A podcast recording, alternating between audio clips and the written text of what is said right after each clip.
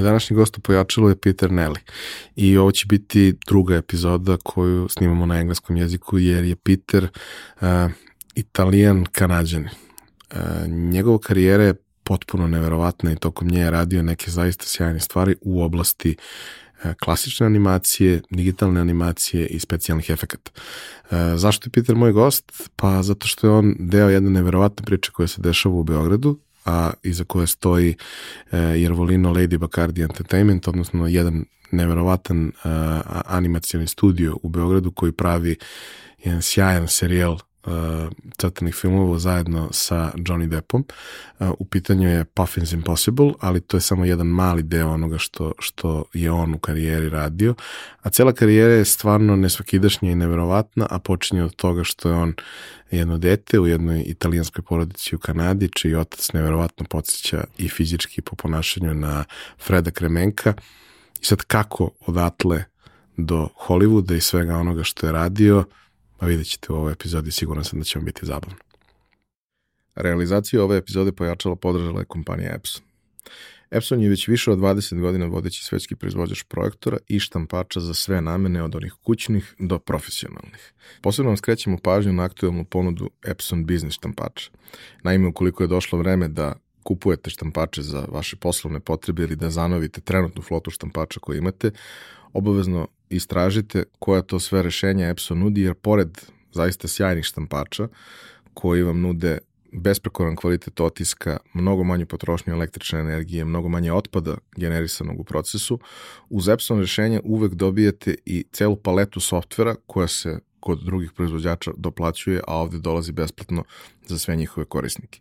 Za više informacija pogledajte businessprint.com, piše se onako kako se izgovara.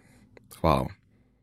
Za slučaj da želite da nas podržite vi individualno, uh, možete da posetite link u opisu podcasta na platformi Buy Me a Coffee i tu možete kupiti mesečnu pretplatu ili jednokratno donirati neki jednost koji želite. Hvala vam unapred na tom.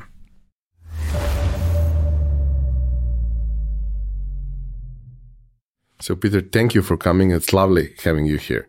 Um, every time, this is just the second time I have someone uh, and, and we are speaking English. The first time was my friend Dave Beers, who is a famous uh, Scotsman. So it's kind of different than speaking with yeah, someone who, has, who, speaks proper English. Yeah. Uh, but uh, your story is so amazing and your story is now for the last couple of years really deeply connected to Serbia and developing our um, let's say computer animation industry. Uh, and I wanted to share that story and explain to people how does one amazing professional become what you are now. It, it's a 30, 40 year long process. Uh-huh. For everyone, it's like that. But in your case, it involved different surroundings, different cultures. Um, you've been working in different countries. It's been a really fun roller coaster ride. And recently we had the chance to hear a little bit of that on our digital conference in, in Niš. Yeah. But I wanted to have the bigger story and all the details and uh, after a couple of months of uh, organizing things, you're finally here. So, for the beginning, for the first question, the one I always ask every uh, my uh, guest, uh, the marshmallow questions. When you were a kid, what did you want to do when you grow up? Yeah, yeah. Thanks for having me here, Ivan. It's I've been looking forward to it. Um, and so uh, this is an interesting question for me because when I was really, really young, I don't remember this, but my folks told me that I wanted to be a priest. So I actually I wanted to work in the church. Um, I, I, don't anymore, uh, but I think it was just because uh, I come from a large Italian family, and, and we would go to church, and and uh, I guess he was the center stage. He was the Elvis of of of that building. And so maybe it looked really interesting to me. When I got a little bit older, uh, I actually wanted to be a physicist. So I was, I was really into science. Uh, you don't know this. I, I, don't think we've ever talked about it, but um, I wanted to um, go into physics. In fact, uh, in school, there was like a special program that uh, if you were particularly gifted in, in something, they would take you uh, out of a out of one of the general classes, and you would go with other sort of gifted kids, and and and it would be um, it was usually around science, physics, astronomy, that kind of thing. I haven't thought about this in a long time, actually, since you asked me that. And so I remember really, uh, now I, I don't know how smart all the other kids were. I think I was, it, it wasn't you know, we were all kind of turkeys. I was just a little bit better of a turkey. And so, uh, I, but I, I, was really interested in physics at the time. And I think, um, well, I know that the mechanics of the universe were really interesting to me, like how things work and the, the beauty of how they all fit in and, and make sense that I was really interested in, especially within physics. Richard Feynman, do you know who he is? The, of course. He's probably, you know, people ask this question, if you could speak to anyone alive or dead for one hour, who would it be? And for me, it would be Richard Feynman. Uh, for for your listeners, I'm sure they most of them know who it is, but uh, maybe some of them don't. He was one of the youngest uh, physicists. I think he was 19 to work on the Manhattan Project.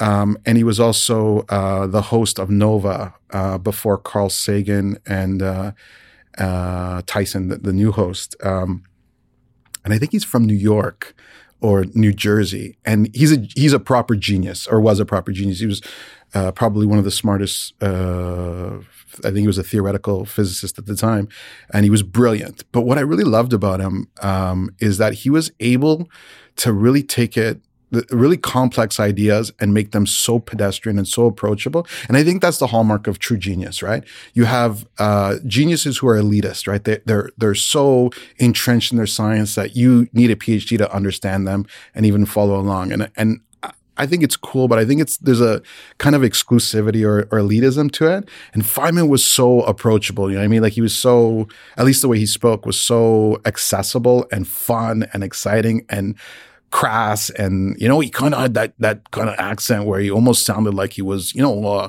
like he was the everyman but he was talking about quantum mechanics and he made it so um, digestible and interesting that uh, it was amazing and so I would say if, if I know you didn't ask me this question, but if, if it was one person I would speak to alive or dead, it would be Richard Feynman. And so I wanted to be a physicist, but I could always draw.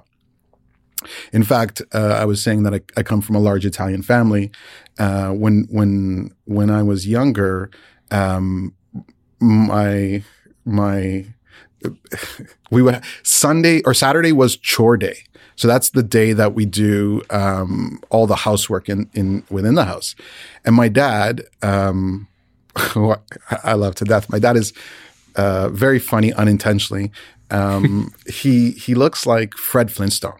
Uh, you remember Fred Flintstone from the cartoon, and so, in fact, as a kid, for a while, up until I, I started school a little bit later, I thought everyone's dad looked like a cartoon character. Like my dad looks like Fred. Yours must look like George Jetson. You know, yours must look like uh, Captain Caveman or something, right? Um, so my dad looks like Fred Flintstone and, and very much uh, embodies that persona. And he hates he still does uh, hates doing the chores like the domestic stuff. He's a great cook. He can he's a he's excellent at cooking, but he doesn't like doing the the cleaning part of it, right? And so anything that requires this kind of cleaning, etc.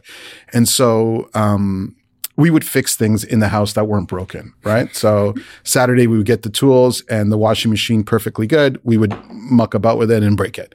We would, you know, the VCR is not working, uh, or the VCR was working totally fine. We would get to it and and and we would break it. And so that was part of our Saturday. We would um, he would he would get me because uh, every every good craftsman needs an assistant or punching bag, and and he would he would come and get me. You know, get up seven a.m.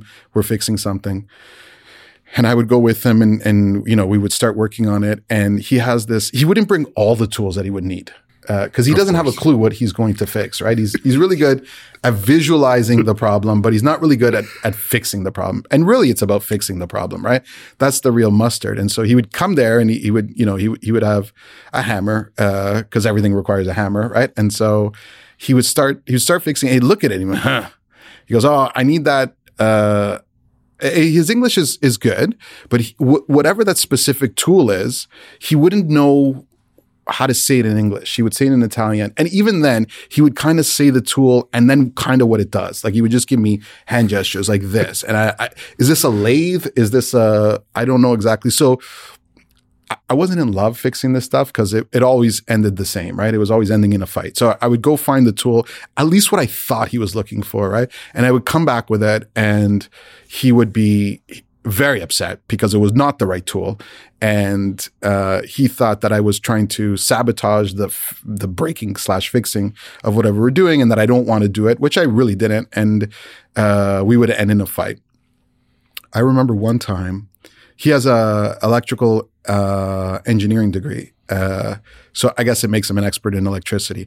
So we were fixing the light switch uh, downstairs, and he was on a short ladder and he he told me to go turn off the the particular switch that it was. I don't know if I hit the wrong one or if I if I was upset with him at the time. It was a long, long time ago, and so he says, "Did you do it?" And I said, "Yeah, I got it." And so he goes to muck about with the thing, and and he gets he gets shocked, right? Like he he gets shocked.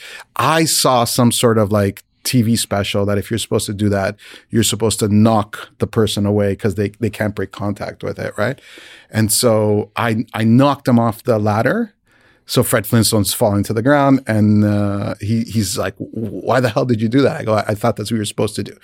Secretly, I I loved it too because uh, it gave me a reason to sort of cumulatively, you know, manifest all the things that I was frustrated about. So we that light doesn't work in the house anymore. uh, now, if we weren't fixing things that weren't broken on Saturday, my dad would go. Uh, my my dad comes from banking, so he's, he's retired now. Um, much to the chagrin of my mom, but he's retired now, and so uh, we would go to either Frank or Joe's uh, place of work on Saturday because they would work at their office sometimes and do their do their taxes. This is me air quoting, by the way. So I'm, I'm air quoting. We would do their taxes. He would help them with their accounting, which was really just a veiled excuse for us or my dad to go and uh, drink, smoke, and play cards, right? So they would be at their office on a Saturday, probably telling their wife and kids the same thing.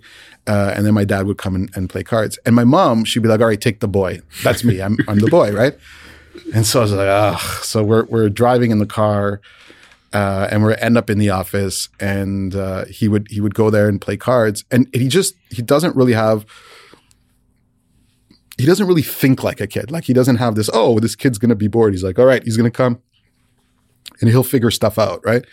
Uh, so I was I was super bored, and uh, the only thing there were mechanical pencils to do the taxes, and this graph paper for for you know figuring out figuring out the numbers. And so I would draw, uh, and I spent a, a lot of time uh, because you know he did a lot of taxes, uh, a lot of Saturdays just drawing like lots and lots and making up worlds and and and coming up with characters and um, and and I I was already a pretty good drawer, pretty good illustrator. I mean, it's a drawer when you're a kid, and so I wanted to pursue doing comics. That that was that was like okay, I want to do this f- forever.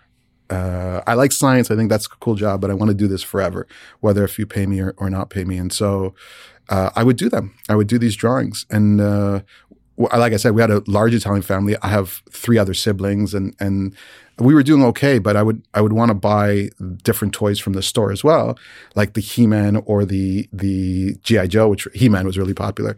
And they're like, no, you can't do that. We got to fix stuff. And so or buy a new VCR because we broke it, right? And so uh, I would draw these like GI Joe type or He Man characters on paper, and then I would cut them out and and I would figure out how to make them into kind of like my own version of. They were always cooler, like because my you know it was more specific to me. And so um, that was really how I started out, like falling in love with with drawing, with this kind of art or commercial art or uh, illustration or comic books. Uh, Every time I, I, talk to people, and I've, there have been roughly 200 people wow. sitting where you sit now. It's still warm, this seat. Every time, uh, what they, if they're successful now, and if they're successful and happy what they're doing, every time a very big deal is that it has something to do with what they want to do when they grow up. I mean, you can't be good at what you are doing now if you don't have talent for drawing, illustration, visual art. But you also cannot be good if you don't understand the physics. Yeah. Because the idea of creating an artificial fake world mm, that is believable, it has to work. it has to make sense. 100%. It can have quirks and their own special rules. But the basic rules have to somehow follow what we are accustomed to because otherwise, you know, people are not to see it like uh, something that's believable. And you have to, it has to be believable. The one thing I, I adore about now cartoons, when I grew up, cartoons were hand drawn uh-huh. things. But now with 3D and everything, the one thing that makes the biggest difference for me are uh, gestures and uh, face um, face gestures as well. Yeah, you can have minions, and they can show million emotions with just the glow in their eyes. Yes, you don't. It doesn't have to be complicated. It it has to be, so to say, accurate. And from there on, you can do amazing things. You know, growing up, we had Mickey Mouse, we had Flintstones, we had a ton of these things they were hand drawn characters and they had their own story and it was amazing. But there were no details. It had to be over the top reaction yeah. for you to figure out what's going on. Yeah. Now it can be, it can be more subtle than with the actors. Well, it's nuanced now. Basically. Yeah. I think uh, I think uh, drawing and animation, and in this case, physics uh, and science, are both question asking. So you're always asking questions why this, why that? And I, I think both those train of thoughts or chain of thoughts uh, help me. So in, in physics, when I was, I was still interested in it. I mean, I don't have the acumen or the, the schooling now to, to be like valuable. Um, uh, but the question asking and understanding how much of it is interconnected uh, is so important in in both fields. And so um, I think I think you hit the nail on the head that that that even the world building, but just this question asking, does this make sense at the end of it? Do I believe this? Does this does this does this flow? it's not even just you know asking questions, does this make sense? It means you see something uh-huh. that's 99.9% done. Uh-huh. they play it too it's it's a scene something sure. And you don't know why or maybe you know why but you know something's off. Uh-huh. and it's off by 0.5% yeah. but you know it's off because you feel it. For some reason you feel that there is a glitch in matrix. Yeah. And that's something that comes from knowledge and experience. 100% you can't you know th- there is no process that can replace experience in terms of this. No uh, the uh, uh, with the exception of savants, people who have some sort of, I, I, I make this um, analogy for uh, a lot. I've had students before, but so the amateur and the master actually have very similar process, but their their route to getting to it. For example, in drawing, so you have masters who eventually just draw the outside of the person, the the contour, and it's beautiful. They don't draw any extra lines. The amateur approaches it the same way. The amateur will draw the outside of the person because that's all they see. The difference is the amateur starts starts drawing the outside because that's all they see. The master draws the outside, then realizes that's wrong, then learns all the the the what you call the gesture line of action, the construction, the building blocks, and then learns all that that building blocks to build it up. And then eventually something happens if they become a master, they already know all that stuff. And then when they draw it, it's already integrated or incorporated into seeing it and they're just drawing that final result. So it's this kind of interesting um, intuition that comes at the end of a process that um, you have to learn to trust. So um, before I would I, I would be analytical about it. So okay, what's not working? Is it the timing? And I'll get to that point if I have to explain it to someone else. But a lot of times I'll watch something and I'll say, how do I feel about this? Do I like it or I don't like it? Do I think it fits or doesn't fit? And my first reaction usually I I I act upon it. I say, okay, some, just like you said, something's off. And I don't let it slide. I don't say, I don't know exactly what it is yet because I have to be analytical, but my intuition, which is taking all these really heavy things and, and all these very subtle things, weighing it out and says, this isn't right yet and I trust it now. This is probably one of the the, the trickiest thing when I when growing older is to trust my intuition and not second guess why I don't like it yet. I don't like it, and then when I have to explain, I say, okay, let me let me analyze this and break it down. It says, okay, what's working, what's not working. But you hit the nail on the head in, in that that intuition comes from l- learning, study, practice until it becomes intuitive. Yeah. And it comes from a lot of second guessing before you say, okay, I don't have to do this anymore. Sometimes I will still do it, Yeah. but I don't have to do this anymore because now I wouldn't say I'm a master, but you know, I have a track record. Yeah. and I have the capacity to just say whether this is okay or not. But the moment, the, the, the thing, not, not many people understand. I had similar situations, but not with the animation, of course, with, with different visual arts is, uh, stop something is wrong then no no watch till the end i can't watch till the end if something is off here You got it. You you hit it. You you felt it. Uh, so it's hard to to trust your intuition when a lot of other people are either supporting an idea or or championing something that you feel is wrong. So it, it- you really have to have fortitude of character and of your own uh, opinion to say no. I know everyone else is saying that this is correct, or everyone else is saying I like it. Uh, you really have to have confidence in your own ability to say I don't, and I, I don't think I can resolve this. No matter how much of this you're going to show me afterwards. look uh, cartoons are amazing and in cartoons especially ones that are not just for the kids like we grew up watching simpsons and uh, family guy and stuff like that that's not just for the kids it's interesting for the kids as well but i'm 37 and i still find it funny I, even the Muppet Show, which of is course uh, which is ridiculously good yeah, but it's not even for. It was prime time, so it wasn't for kids market. But it, uh, if you look at it, it's essentially puppets.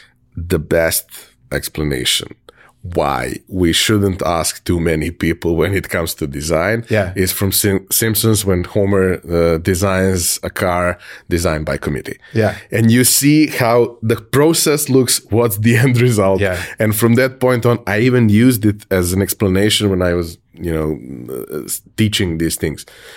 I can explain it will take me 30 minutes or I can play you this video for minute and a half and everything will be clear to you. What do you want? Play the video. I play the video. We never speak about that topic Does it work?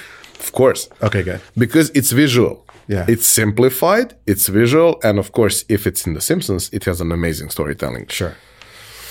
Anyway, uh, when it was time to pick out your career, how did it unfold? So, um, you know, I, I continued to draw throughout uh, primary school, and I was, uh, I was really good. I was, I was probably one, if not the best within within the school, um, or at least my class, the the upper echelon. And then um, I I went through high school, and I I probably could have been a better student in high school. I think um, I wasn't so much focused on the academics because I had convinced myself I'm going to get into drawing, and I actually didn't want to get into animation. I wanted to draw comic books, so I was I was doing a lot of that, and um, I went to I applied to there were two schools. There was a graphic design school, and then there was an animation school. And in Canada, we have one of the best animation schools worldwide. So that was Sheridan, still is. So there was CalArts, Sheridan. Uh, there weren't so many. It was it was an animation program in 1967. But I was not interested in animation at the time. I mean, I loved I loved animation and cartoons, but I didn't think about that as a career choice. I wanted to draw comics because uh, I don't even think I realized about how animation was connected to what I wanted to do, which which I'll come to in a second. So I wanted to draw comics, and um, I did. I was too late to apply for for Sheridan at the time. So I went to uh, another school in the city, and I was doing a graphic design with with a, a major in, in advertising. But I I, I hated it. I didn't hate it. I just felt like it had really little to do with drawing. I mean, it was not pushing my comic book uh, dreams any further, and it was only going to get me a degree. I was good at computers, so there was a computer element. It was just at the beginning of QuarkXPress and Illustrator. So they were migrating from from traditional graphic design, which is letraset and and marker renderings and such, and into um, into the computer realm. So th- that was good, and it also gave me a really good, strong sense of design, gra- like actual design, which is which plays a role later on. And so I, I was studying graphic design. I was gonna I was gonna major in advertising, which I did, but the first year I dropped out. I didn't finish it. Um, we had life drawing. You know, this is drawing from the the nude figure, And I had only showed up for two classes. And within those two classes, I had a 75% meaning I had dropped out and I still retained a 75% in the class, which I'm, I'm pretty good at life drawing, but it means how low the bar was that everyone else is that I was above average and I only showed up for two of the classes. He had marked it for the only the work that I had done. And so I had, I had, I dropped out and I, I went to Italy for a bit, uh, for a couple of months and just lived for a bit. Like I, I just, I learned about what life is. And I came back and I went back into the program and I finished it. And at the at the end of my year, I applied to go to to Sheridan, the the animation program, and uh, the first part had a portfolio submission event. So what you had to do is you had to submit. Um, I remember if I'm if I'm there was some life drawing, which was fine because I had those two days, right, or, or whatever it is. It also had a uh, what's called a three quarter down shot of a room. So it's what it is is you have a room and you have almost a bird's eye view of the room, and you have to draw it from one corner and all the objects within it, and then another the opposite corner. So uh, and so that you can spatially, yeah, exactly. Yeah. So you understood perspective. It wasn't completely orthographic, but it was it was more uh, orthographic than than traditional drawings of of in a room. And then you had to do. Um, they had a character that you had to do five different expressions of, and you also had a uh, an object that you had to do in in um, like a it's not a wireframe, but a contour one and then a construction one. And I chose uh, a doorknob uh, so I, I, took the doorknob and I took it apart uh, for a few reasons. One, I think my dad broke it. Right, it's one of the so uh, he hadn't fixed it. Right, so I was like, I'll, I'll fix this. This will be my legacy. But also had a lot of these rounded parts, so you couldn't cheat it. And uh, the way, if you've actually taken a doorknob apart across two different sides, the way the mechanism fits into place is is very Com- well, complex for a very simple object, but also very interesting how the different parts fit. And looks so, good. Yeah, it was it was a really good one. So that was the first, I passed this portfolio submission that, that, that you were supposed to go. The next stage was a in school exam, um, which is uh, a three hour intensive exam. Uh, so I think something like 1,400 people apply uh, in the first part, and about 100 people get in on the next part. I mean, the the coordinator at the time, Brian Lemay, who, who's he's worked on a bunch of stuff, uh, he says, look at the person to the right of you and look at the person to the left of you. Uh, one of those people are not going to be here after the exam, which is which is great motivational speak before an exam, by the way. Well done, Brian. Uh, and so this this uh, exam was a a life drawing session. So you you draw from life uh, a model in front of you. The second part was they give you the three quarter down shots of a room, and then they tell you you're sitting in this chair. Draw what you see. So you have to extrapolate the perspective and reverse it. And then the final one, they give you a character. I think it was Bugs Bunny or Daffy Duck, a model sheet, which is for those of the you know people listening, it's it's um it's how the character looks in the different. So from from the front, from the side, from the three quarter, and what you do is they have a model. In this case, there was another live model. We went back to the life drawing room, and you would have to draw that model um, as, or you have to draw that character with that model's pose. Of course. And it was it was intense. And uh, after it, I got into the program. I had a couple of friends who were uh, well, one friend and then a couple others once I got into the program who were a year ahead of me within the program. And so, um, but my only intention was to go. The reason why I went to Sheridan because I wanted to draw comics better, and the program, the classical animation program, was the were the best artists of of definitely within within the country, but even internationally, were coming in. So I extrapolated. I said, okay, I want to draw the best comics ever. The best school for drawing is not the illustration program, but the animation program. Do I really like animation? Yeah, I like it. Do I want to do it? No, I want to draw comics better. But all the best artists were going here. So I figured it was by being surrounded by other people who were at, at the best at what they did, regardless if it's animation or, or illustration comics, I would end up being better because that's where the highest talent was, right? But a funny thing happened when I was there in the program. I started to realize that animation has, uh, I, I still love comics, but animation deals with four dimensions. So, which is how something changes over time and space, right? And when I was thinking about it, I go, this is so much more complex and nuanced and performance based than comic books was. Comic books is there's graphic design definitely, but you're really capturing moment to moment to moment. It's sequential and story art, but animation does that on like on an Olympic level. Like you have to be able to draw everything great. But that's not even the skill of animation. Animation is that ability to understand performance and uh, imbue that in the drawings that you're doing in, with time and space. And it, it has to be perfectly fluid. Yeah. Otherwise, it's not believable the believability was the most important part. In a comic book, you can get by with with style, and um, you you have to be a strong draftsman, but you don't necessarily need to understand true performance. Like, how what's the difference between someone who's uh, walking and someone who's meandering, or someone who's uh, pacing quickly and someone who's running.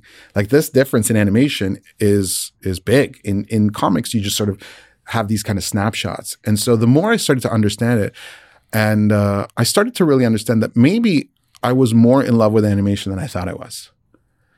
Uh, yeah. Um, and so I said, you know what? I think this is my calling, which is which is animation, and I really started to heavily invest in that kind of uh, academia. So I was still living quite far. I didn't live on campus. Uh, it was expensive, and and I wasn't making enough at my my job to to move and live there. So I was commuting approximately two hours, two two hours and fifteen minutes one way, and then two and a half hours one way back uh, to school. All uh, so it was bus, subway, train, bus to the school. And during that time, I was spending a lot of time drawing and reading about stuff that that uh, I loved. I usually had three books with me. Uh, one was a sketchbook at all times. Uh, one was um, a not a technical book, but something about whatever I'm learning about. Um, and then one was uh, not a trash or pulp book, but something that I enjoy reading for for fun. So uh, some fantasy books or some Mickey Spillane, so crime novels or, or whatever it was. It was always some fun. It was always three books with me. And I spent a lot of time in the transit doing that, sort of uh, l- learning or, or ingesting stories and content uh, that had not not just comics. I'd read a lot of comics at the time, and I didn't want to see how other people interpret stories. I wanted the stories first to live in my head and see how I visualize them, and then sort of as a clean conduit into how I would express them.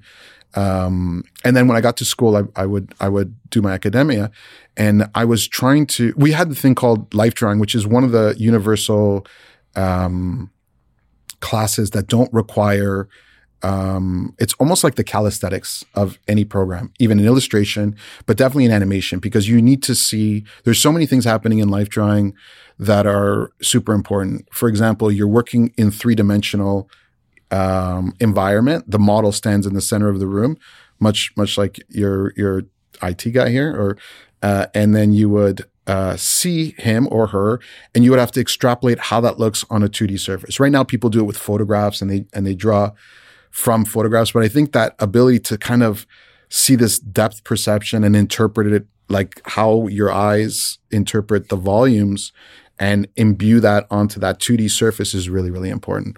Um, additionally, you don't really need instructions for life drawing. If you spend enough time, you could just sit there and draw and draw and draw. And it's a real intimate relationship with that triangle, you to the model or the model to you, you to the canvas that you're drawing on. And so we had life drawing as a mandatory class, which was three hours, I believe. But then the school offered extra life drawing as well. So these are classes that would happen in the evening from six to nine, I believe. And, uh, you're not capped on how many extra life drawings you can go. They encourage you to take one or two.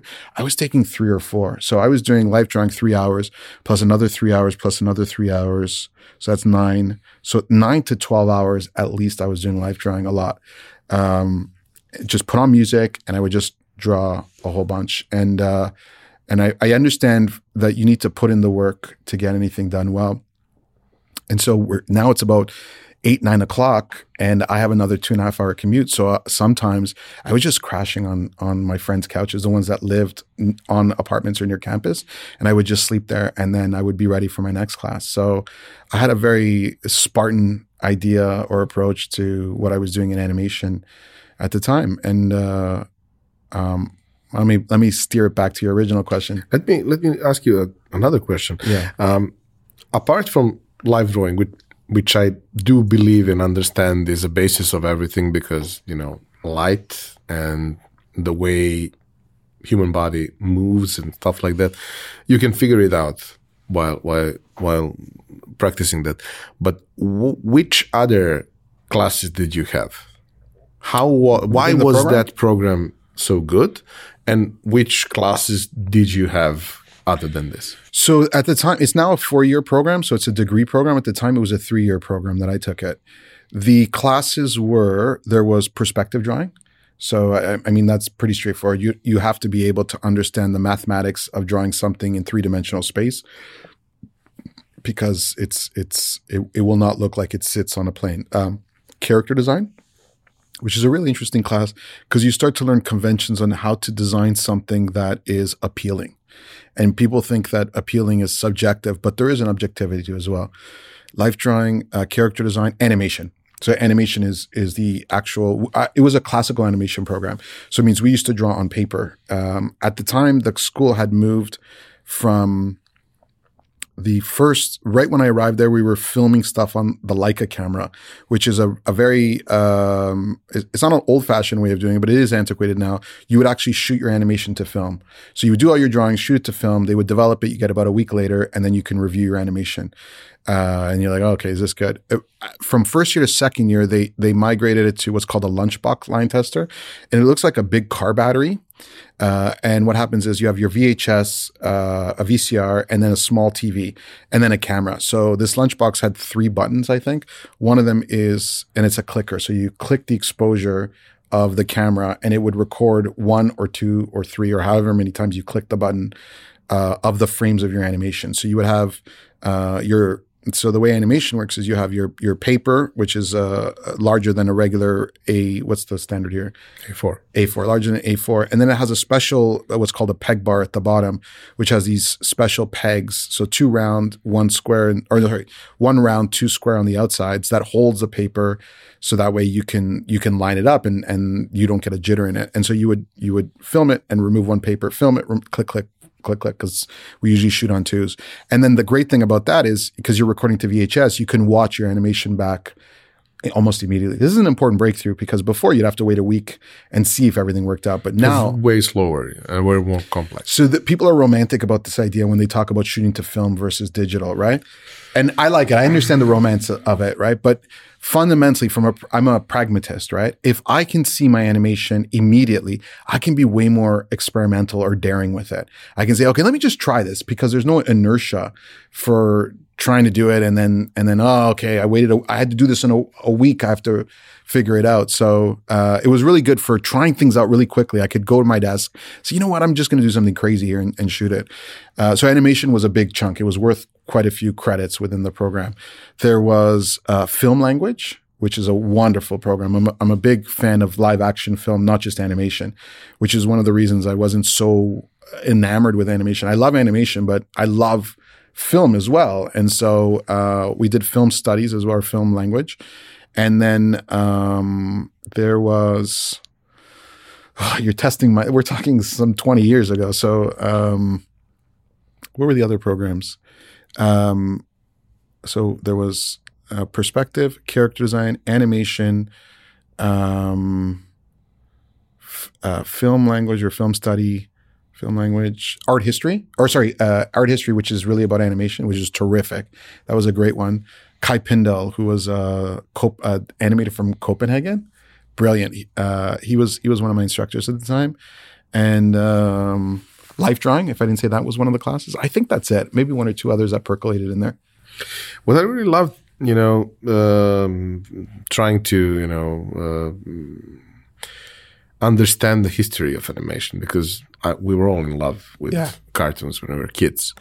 And it was always for me, how did they manage to make, you know, hour and a half cartoon if it takes 24 pictures for one second? That would mean a lot of pictures, a, a lot of drawings to, to make, you know, 90 minutes of it. Yeah. And then I Googled when, when we had Google and YouTube and there were a lot of uh, behind the scenes videos.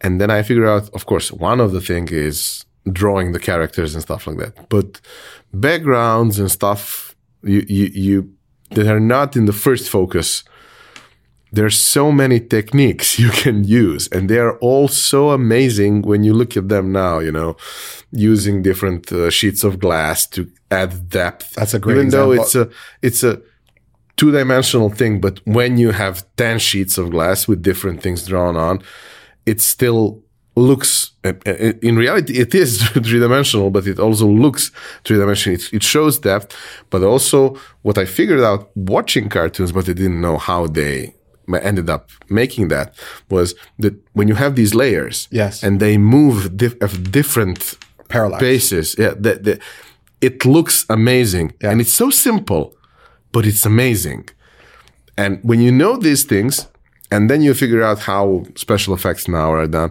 some of the things are actually quite similar Yes, 100%. I think you hit the nail on the head for why uh, I'm going to stop using that expression, but uh, that's the physics and the uh, drawing part that had that collided in the most fantastic way for me. optics basically optics it's not optical illusion, but it really uses the way you describe that kind of if you put this on this level and you move one at a slightly different rate than the other, it creates the illusion of parallax that there's distance between space. Fundamentally, that's physics. Uh, there's a science to it, and I think that's. I never thought about it before. Maybe I've had an epiphany now, but I think maybe that's why the animation part became so much more attractive to me than than comic books because it had this extra dimension of how do you mimic life, uh, both in its technical and its in its ethos, its pathos, its performance, in such a way that other people watching it will believe it that it's real. So, yeah, what you described as a multi-plane camera effect, which is uh, uh, amazing to think about it. They were saying, okay, how do we how do we create depth, but we don't, uh, but we don't really have depth. So you you print different uh, or you you paint different planes, meaning, you know, if there's grass really close to the camera, what would be, and then there's trees a little bit further back, and then there's the road, and then behind that there's a hill, and way behind that there's a castle. You paint that on on glass at different levels, and the glass is separated, you know, by by um, I'm not gonna use feet by by 10 centimeters, 30 centimeters, and then you move the camera through those glass so it actually feels like that the camera is moving that three dimensional space, and it's it's genius to think about it. Um, so these this kind of marriage between science and art was was really the the most important part of of how animation is this new medium. And and not only that, you have all these different people with one collective goal, right? So you have painters who are working on the backgrounds. You have animators who are doing the animation. You have uh, musicians who are making. The, the- that's why I think I don't know if it still is, but definitely at the time that animation was the highest form of art, right? So at one point, painting was the highest form of art until sculpture came around. Then sculpture was because you could experience sculpture in the round. And animation is experiencing art in four dimensions. So a character will be different in the beginning of the film than it will be at the end of the film, right? So that kind of four dimensionality where an object, in this case a character, changes over time and in space, for me is is the highest form of art. Also because there's all these people working on one collective goal, which is to tell the story through animation. There is one thing uh, when gaming became big. Yeah. And when I say gaming, you know, there are a lot of studios doing uh, mobile games. Yeah. Mobile games are fun. Yeah. They are, no one wanted to go into gaming to do mobile games. Of course. Everybody wanted to do something that's life changing, creating their own worlds, Yeah. living through a game, something amazing. And, you know, that's the reason why people wanted to do that. Usually it's uh, off the table. It's not something that, that you can do. But if you want to do gaming, you can do these fun things and make a lot of money, and that that's it. And when recently I talked to a friend, and and we had a brief discussion about this, why she is still interested in doing animation and she doesn't want to go into gaming.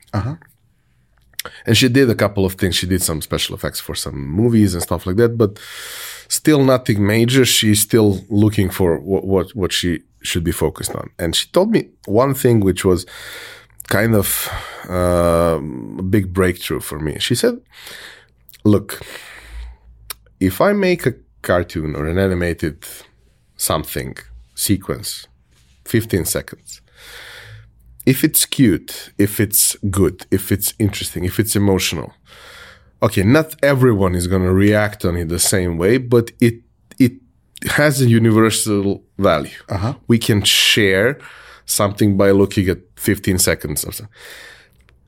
With games, it can be amazing if you're good at it. If you're not good at it, it looks good, but your experience is crap. Right. If you play football, and now we have World Cup going on.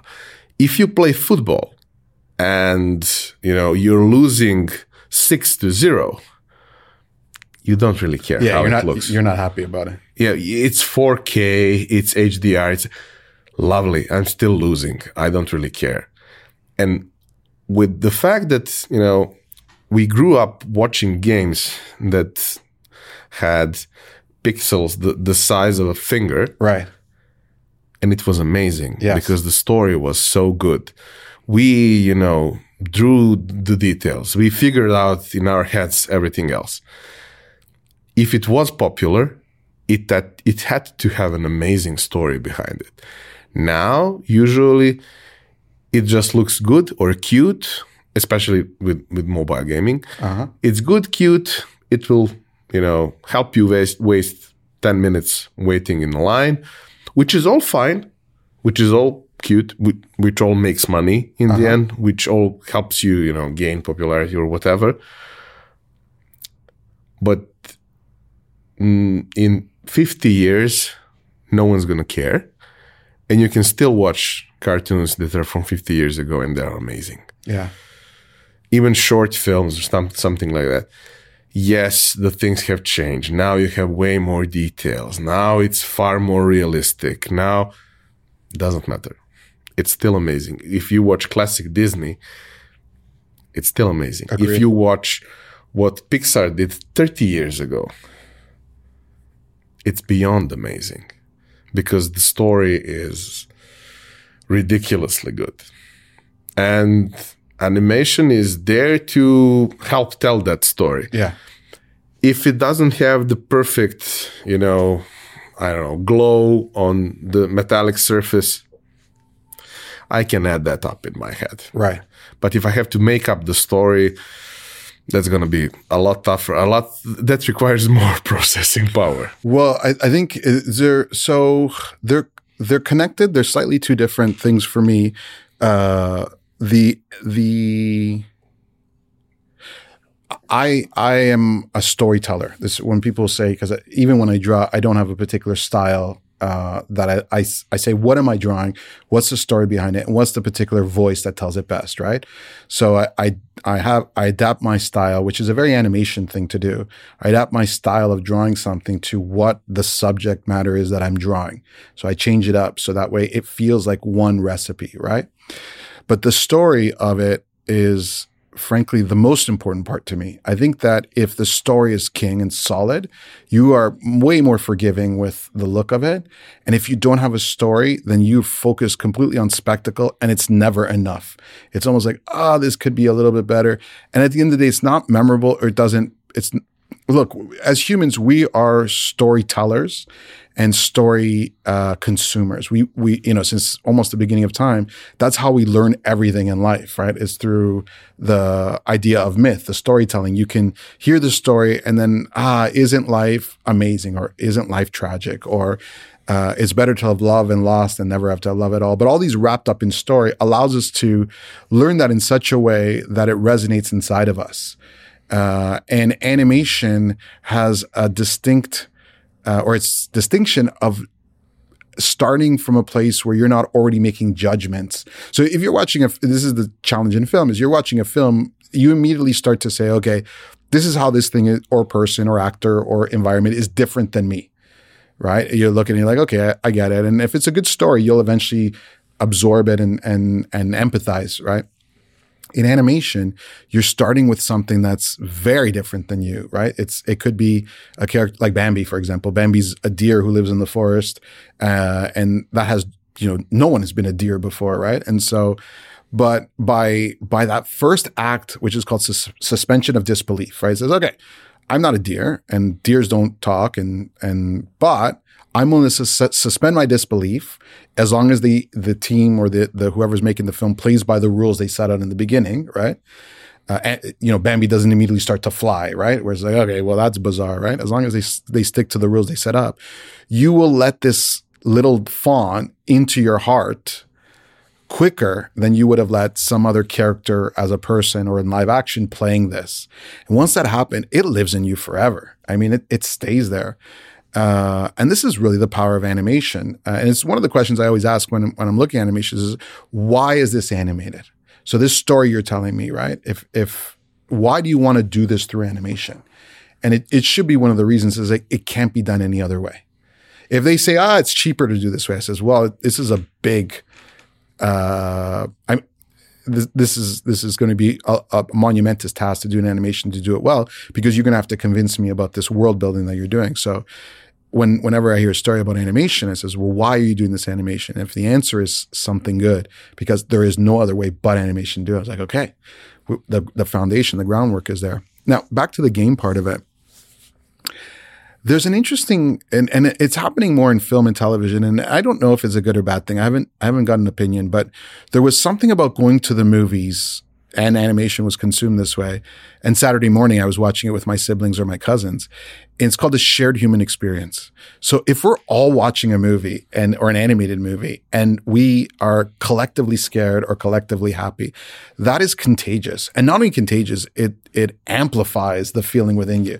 So if everyone in the theater is laughing at something that they see that's funny on the, the screen, it has it's it's amplified in you. And uh I love that that shared human experience. I, am almost sad in COVID fully uh, expressed on how mandatory this human connection is. Uh, not even touching people, but being in the presence of other people. Um, I think that games is the other direction. Uh, I mean, there's been movements for games to be more collective through massive multiplayer online, but that shared human experience is being taken away and pushed into the personal experience of you and connection with the game. And I, I don't know if if that's the best yet. I don't know if that's I mean, there's some wonderful games with some wonderful storytelling in them, and it moves you in such a way that's personal as well. But it lacks that that shared human experience, and it lacks the guide like someone who has, I have an idea of, Ivan, this is what I've learned about life from my own experience, right? And it's very specific to all the different ingredients that made up my life, like my dad being Fred Flintstone, fixing stuff, etc. And there are probably some things that people can connect with, but I have a particular way, a particular accent, a particular feeling about it that is novel, interesting, and hopefully resonates with other people. And by me creating an animated film, you get to see that with me guiding you through it. And the playing it as a game, you kind of have to stumble around until you get it. And so there's many different distractions and detours that kind of dilute that that feeling or message that I want to kind of express to you, or we collectively want to express to you. And I think gaming is a different experience than storytelling in its in its purest form. So that's that's kind of how I feel about it. Um, I mean, I love to play games; I get completely absorbed in it. But there's, especially from my childhood, there's uh, animated movies, TV shows, or cartoons that have such a profound impact on me in terms of how how it was that it's really difficult for the the games to have that kind of same resonance. I, I can understand that perfectly, but I I would like to add one more thing because I think it's an important topic. I already mentioned minions because for obvious reasons yeah. I look like one of them and I, well, I love them. yeah. Uh, but the most amazing thing for me about minions, and, it, and it's not the first time, you know, it, has been around through history of animation animated movies, but with them, I think it's the, the, the most prominent. It's, it's right there in front of you. Yeah. They hear one word. They only know banana. Everything else is gibberish. Yeah. And you perfectly understand them in any language. Yeah. And that's amazing. That the fact that it's completely universal and I, banana is universally loved yeah. fruit, of course. But the fact that you feel all the things they are going through with their huge eyes, uh, and they don't say a word that makes sense. No. They say a lot of things, but it doesn't really make sense. I, I mean, I always, I love guinea pigs. Like Everyone, the, the animal guinea pig? yes, everyone who knows me knows I love guinea pigs Why? Because they're so cute Okay. and they have an amazing face. Okay. A- all gerbils and stuff like that, they have rat face. Yeah. Guinea pigs, they have human face with lips and nose and big eyes. Okay. They can show all emotions. Right. I don't know if I'm reading them well. I mean, it's guinea pig. It's No, not no, a but- human. But it's amazing. It's so adds so much depth To the guinea pig. to the guinea pig. Interesting. And the way I, I'm using guinea pig as, as an, um, something to compare, because I when I look at minions, I see guinea pigs. Huh. When I see guinea pigs, I see humans, and I'm weird, I know. No, no, no. I'm, I'm following you. But the the, the whole idea now, you know, ten years ago, making animation, making animated cartoon was all about getting the animal or a human, well, not a human probably, but the animal, the, the, the, the object to be as realistic as possible. yeah. Now it doesn't have to be like that. No. It can be completely abstract and still be beyond amazing in every way imaginable. Uh, two years ago, something like that, I watched the, I think it's called uh, Soul. Yeah. That's deeper than most of feature films I've seen. And of course, the animation, the characters are really cute. The world is amazing. Everything is like, but a lot of things are done by lines mm-hmm. on screen representing some, you know, paperclip dancing. We all have our own horrors from paperclip dancings in in uh, Microsoft Office. Yeah. But basically, this is what it is. You know, lines form uh, details of a certain phase. It tells a story, and it's some higher power or something like that. And you look at it, and it's amazing. And anyone can draw it on paper, and it won't be amazing. No. But here, it's amazing. Why? Because it tells a story. It shows emotion. And I guess it takes a lot of skill to do these things. Tons. And I guess it takes a lot of feel to do these things right. I think intuition plays a big role. I think uh,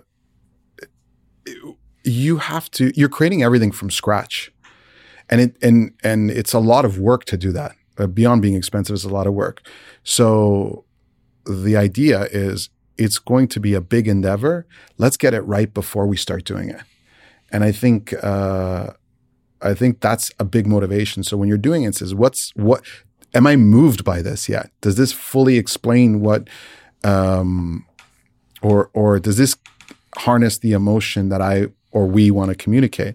Because if it doesn't, it's going to take a lot of work to get there, and it's going to be like it's it's going to be a, a arduous way of doing it. And so I completely agree that that abstraction, uh, or you know, people have this kind of face recognition. You know, you look at Yeah. the, I mean, American, not so much Europe, but Northern, North American light sockets have these two little slits and a little mouth. The longest time as a kid, I thought, oh, that's a face. Like it's, it's a, it's a, it's the little most popular hanger design in, in, you know, wardrobes and stuff like that looked like octopus. Was it? Yeah. For us, it was octopus and everyone, when, when you, you remember when we did, you know, physical exercise in, in elementary school? Oh, the octopus. Yeah. For everyone, it's The same one. They all have the octopus. Yeah. Everywhere. So we do In that. schools as, we do that as people. We project, like you did with the with the with the guinea pig. You project your own uh, kind of persona into uh, the object, or in this case, guinea pigs. Uh, how do you feel about capybaras? Have you seen them before? Of course, they're amazing. I Okay, played yeah, with, with a couple of them in Japan. I figured because they're like a guinea pig. Huge. Yeah, pig. but they, they have that same face. Um, so the minions, which interesting, they don't have a vocabulary other than banana, but it does this. Uh, it does. I mean, uh, speaking and action. Uh, you have text and subtext, right? So you have what someone. I always use this example. I don't know. Let's hope this is a prime time one. It's not going to be rude, but let's say there's a, a couple that have been on three dates. Let's keep them a little bit conservative, and the the lady invites the guy upstairs. Would you like to come upstairs for coffee? Right? And it's it's 9 p.m. or 10 p.m. Right? So that's the text, what she's saying. Would you like to come upstairs for coffee? Uh, that's not the subtext, right? I, suspect that they could have found coffee anywhere and, and not just in the apartment. And uh, hopefully coffee will lead into coffee in the morning as well. And so this play on subtext and text is is nuanced for people. It's very interesting. It's a little bit more sophisticated though, right? Usually you need uh, to understand what is said and what is meant. And the minions have this purism to them, right? Because you don't understand what they're saying. You understand the cadence, like if they're angry, upset, etc. It's called Grammelot, right? So this this language. There was a show in the 70s called it was actually an interstitial called La Linea. Yeah. I don't know if it was popular in yeah, Serbia, but he was Italian, but he never yeah. said anything in Italian. And so it was this cadence and, and nuance. And so I love shows that have Grammelot or or this kind of vocabulary. Our show, Puffins Impossible, uses this kind of vocalization because uh, for what you said, you don't need any particular language to understand it. Two, you don't need to understand text and subtext. I mean, the older you get, you for very sophisticated or very uh, complex storytelling, something like I don't think Quentin Tarantino or Robert Altman would be able to to or not they wouldn't be able I don't think they would be attracted to this kind of storytelling but when you want to get a pure emotional feeling resonance with your with your with the kids or audience that's watching it it doesn't even have to just be kids uh, this idea of not having to contend with actual words meaning and saying I love it. Uh, and you can still have the cadence with the minions. You know if they're upset, you know if they're even being sarcastic in what they're saying, but you have no idea what they're talking about. And even when they say banana, there's like 500 different ways they're going to say that word. And every time they say it, you know exactly how they feel. That's amazing, isn't it? That's beyond amazing. Anyway, let's get back to your schooling and your professional sure. uh, work. So, uh, when you finished your degree, yeah, uh, where did you go on from there? So I finished uh, an classical animation program, and um, I went to work in some of the local studios uh, within in and about Toronto, which is where where I was. And so I was working on some 2D animation stuff, and I was also working on um, some 3D uh, layout part of the show. So if, if, you if for those not familiar with it, uh, in the in the CG animation process, you have many different departments that do many different things. One of them, one of the departments, when it goes from storyboards to 3D, uh, you have two branches. One is to create the assets, so all the characters, locations and objects need to be created in 3D and and given if we were using puppets they need to be given digital strings that they can be manipulated. The other part is in the animatic is imagine it like a movie you have to animate the camera. The camera has to behave in such a way that it it it, you would move it like a digital camera. In, in traditional film, it's called blocking, right? So, uh, what happens in layout is you bringing uh, all the objects, those assets that I said that make up the scene, and then you uh, put your camera in there and you put information with the camera. So what type of lens it's going to in in the digital camera, it mimics real life uh, fairly closely, and so you put in your um, you put in the, the focal length, like what how the camera is going to capture the image. You uh, position the camera. So, you know, if it's an upshot, downshot, and if the camera has any movement to it. So, if it was a panning shot or if it's a crane up or crane down, you animate those keys as per the length of that storyboard excerpt that you've received from from your from your department head. Additionally, you bring in the characters and the set, uh, and you you put the camera where it needs to be in the set. And if the characters have it, they will have animation. You're going to you're going to put keys. Keys are uh, specific moments of the character's performance that have a particular position. So if, if I was sitting on a chair and getting up to grab a cup of coffee, you have a key of me sitting. So that's one position.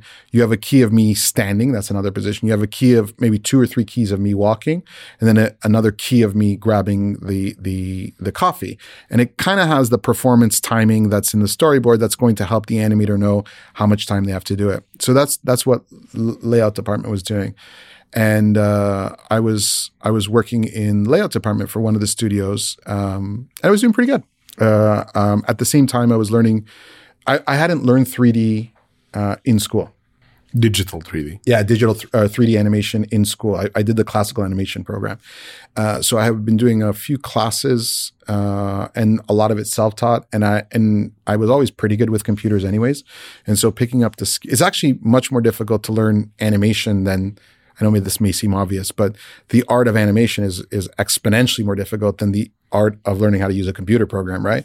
I would say anyone, even of of my generation and later, have I mean had a computer in their house, so they would know at least how to operate it. And so um, I was kind of learning uh, CG on the job as as I was doing it.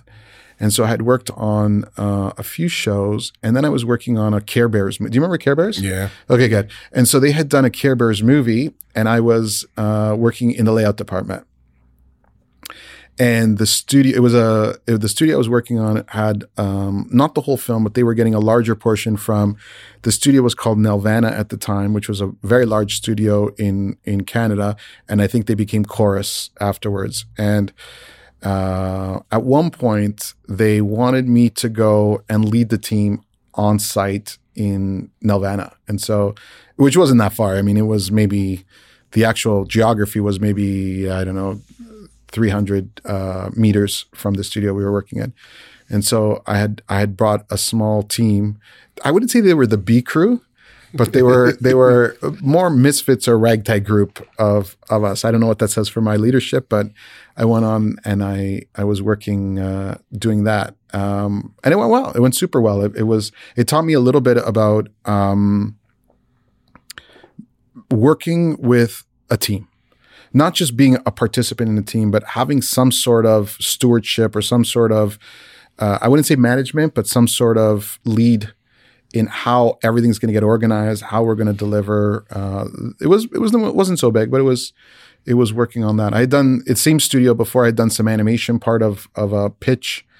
Um, I don't remember the show right now, and a variety of other tasks that I, I was capable of doing. It. One interesting one was um, there's an artist called Darren Donovan who he has a twin brother called Jeff Donovan. They're they're two twin animators. Uh, he's an animation, and Jeff is a uh, background painter, and uh, they're identical twins. And Darren was working in uh, DreamWorks before he came back to Canada. So he was Canadian. There was this big migration during the mid '90s uh, from Canada to work in the States. In fact, a lot of the people from Sheridan ended up being directors or, or you'll see that my alumni and alumni ahead of me and just ahead of that are all in Pixar, DreamWorks. Some have gone on to be directors. It was a very good school.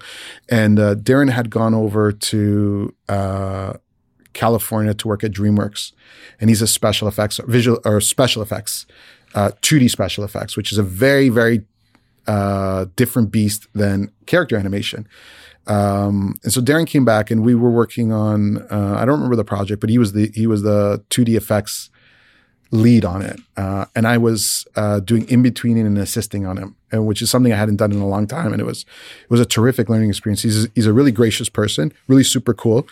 Um, and I had learned a lot. So I, I, was doing a little bit. I was, I was, my big thing was the layout department, but I was any other little project I could jump into, I would, I would jump on. I'd volunteer. I had 2D animation training beforehand as well.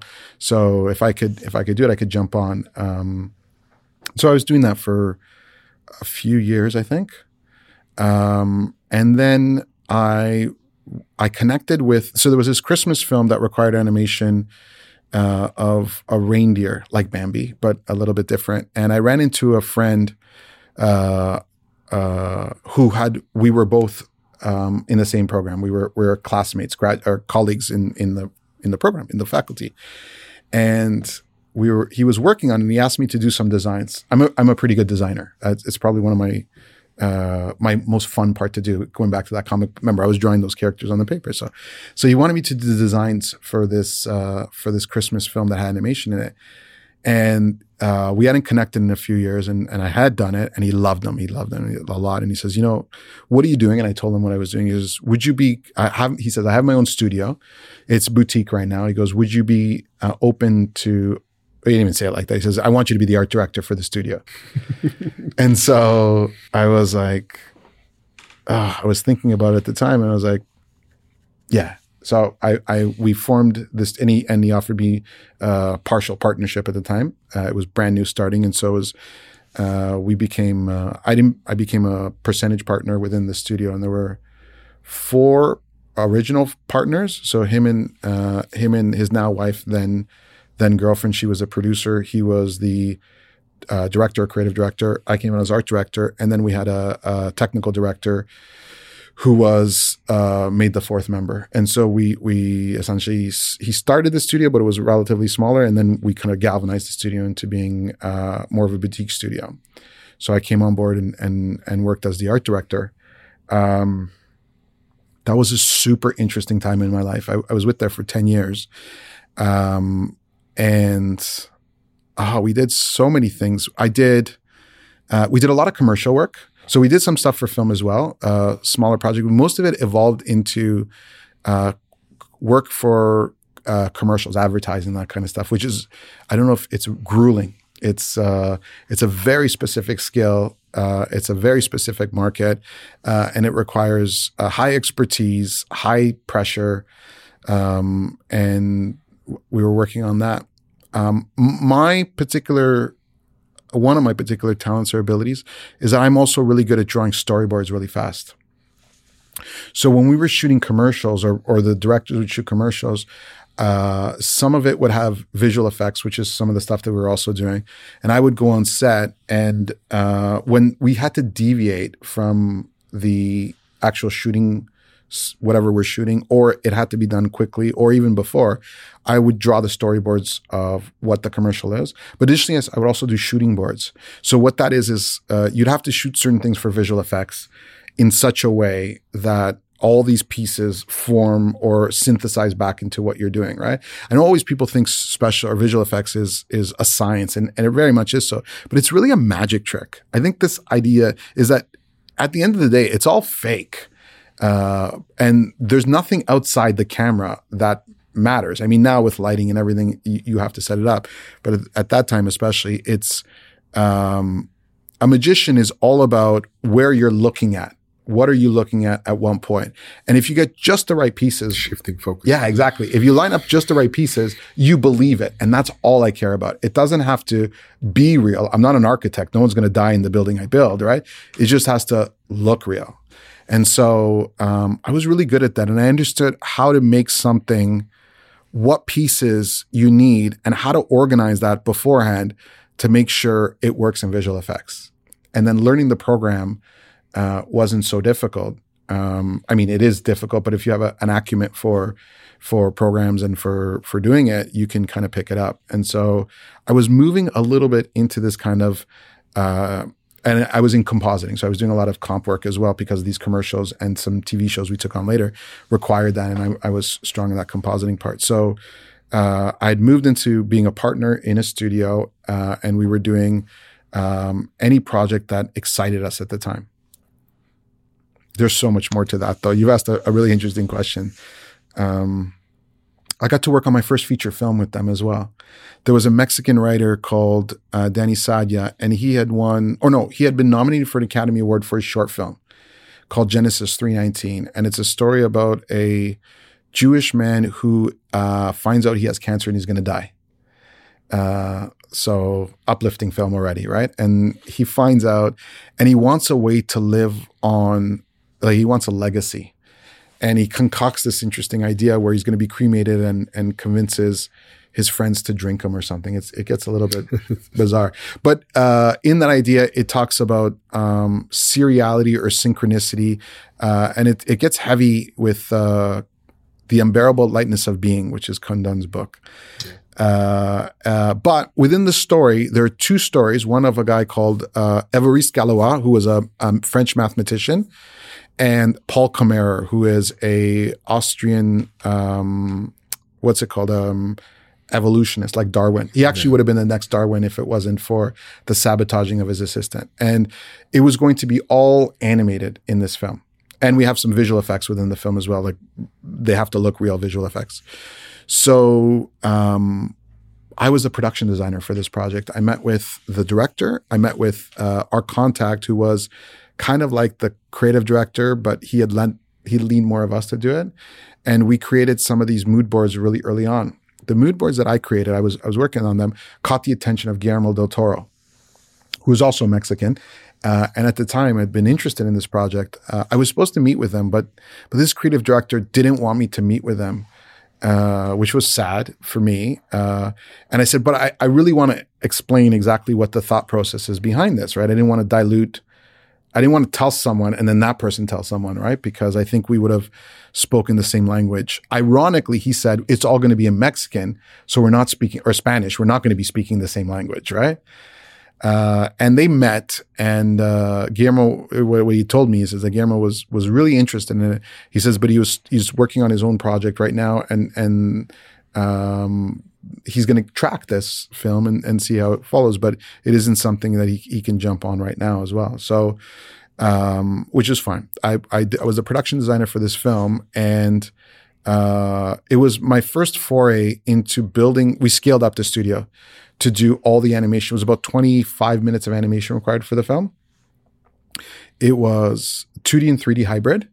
Uh, it was to mimic sort of uh, shadow puppets of, of Mexican culture at the time. Uh, you'll see Guillermo uses it later on in a in one of the Hell Hellboy films. I'll point it out to you if you're interested, and you, I can show you where the influence is. It also had a 3D character that was made to look 2D. Uh, and so we filmed in Valencia, Spain, uh, for part of the production, and then uh, we finished the film, like all the the post in Mexico City. So myself and my my my creative partner at the time were flown down to Mexico City, and we worked out of Ollin Studio, which is a very large facility. They were working on Zodiac at the time, and we had a small division just working on our film. And I lived at the director's house. It was it was a really big house, and and we were there in, in Mexico City, um, working on this film. It did it did uh, pretty good, and it ended up in the Santa Barbara Film Festival, um, which was awesome. It was the first film festival that any film that I'd worked on was was going, and uh, other other we went there. So the four of us, the four partners, went there, and the there was a panel discussion with uh, Brad Bird, uh, Julian Schnabel. Do you know who he is? He did a movie called uh, Basquiat and uh, um, oh, he's got a, a, bunch of them. He's a, he's a, painter as well in New York, but he's also a filmmaker. Greg Gillespie, who did Lars and the Real Girl at the time. Uh, Jason Reitman, who had just finished Juno.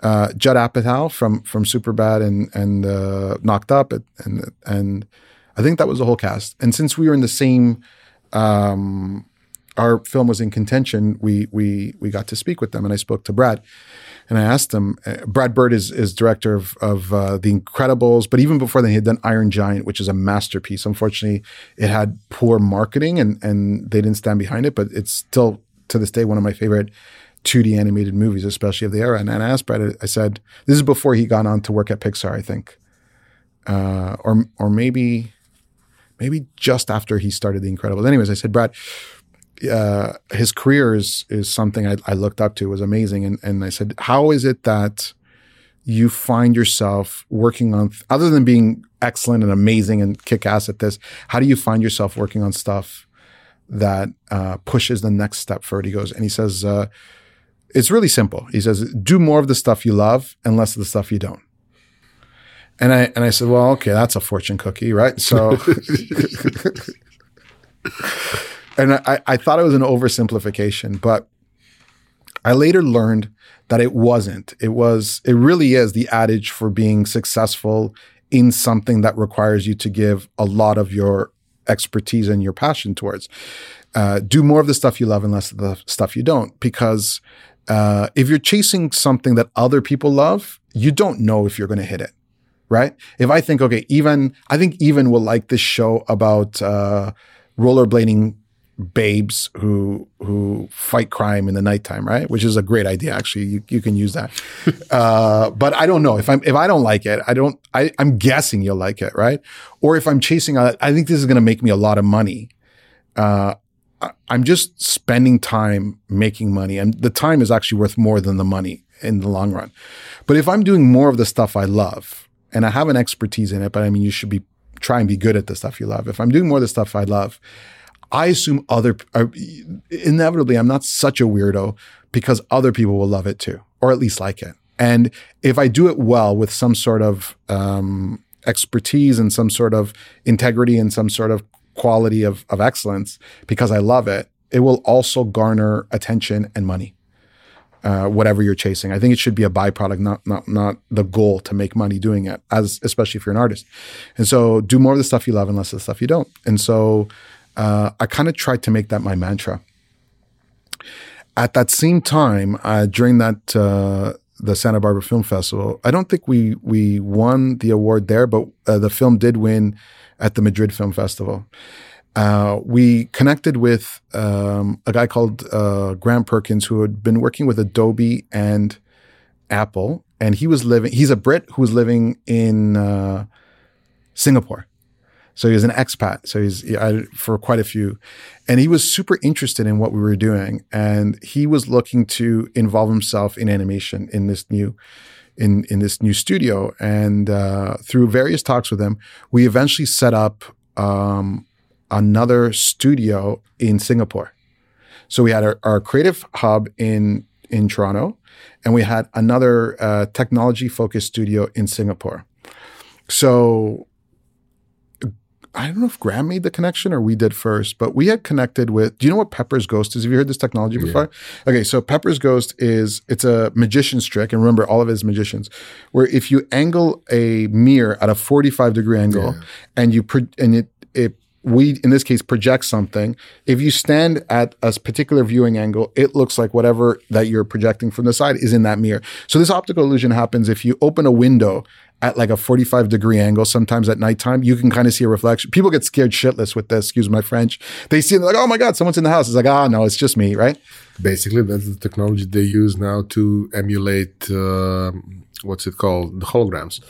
Well, that's basically. Yeah, it's exactly where. So Pepper's Ghost is what they use in the Haunted Mansion in, uh, in Disney World when they did it. And so in around, uh, I think it was late 80s, early 90s, an inventor in Abu Dhabi created a, um, uh, it's called a foil, but what it is is it's like a cellophane that if you um, if you look at it at a particular angle, it's see through, it's transparent, but at a particular uh, inflection angle, it's completely reflective. So what you do is, and I'm not going to go through the whole setup, but if you create a projector that hits it at a particular angle and I stand at a different angle, I see everything invisible except what's even being tra- tra- projected. And that's what the holographic technology is, right? And so they used it in 2006, I think, uh, on MTV. Uh, Madonna um, appeared with the Gorillaz, the the animated band, um, and she appeared with them, and, and they use the same technology. So we licensed that technology and we started to use it in Singapore. Uh, for we had a few clients at the time, and we were talking to. I wonder if I can even talk about this now. I don't even know if we, because I, I, I since left that studio, uh, but we were working. We were had an MOU uh, with uh, M with MGM Casino to do a dinosaur zoo. So we were going to create CG dinosaurs. In fact, we did a proof of concept with uh, a T Rex.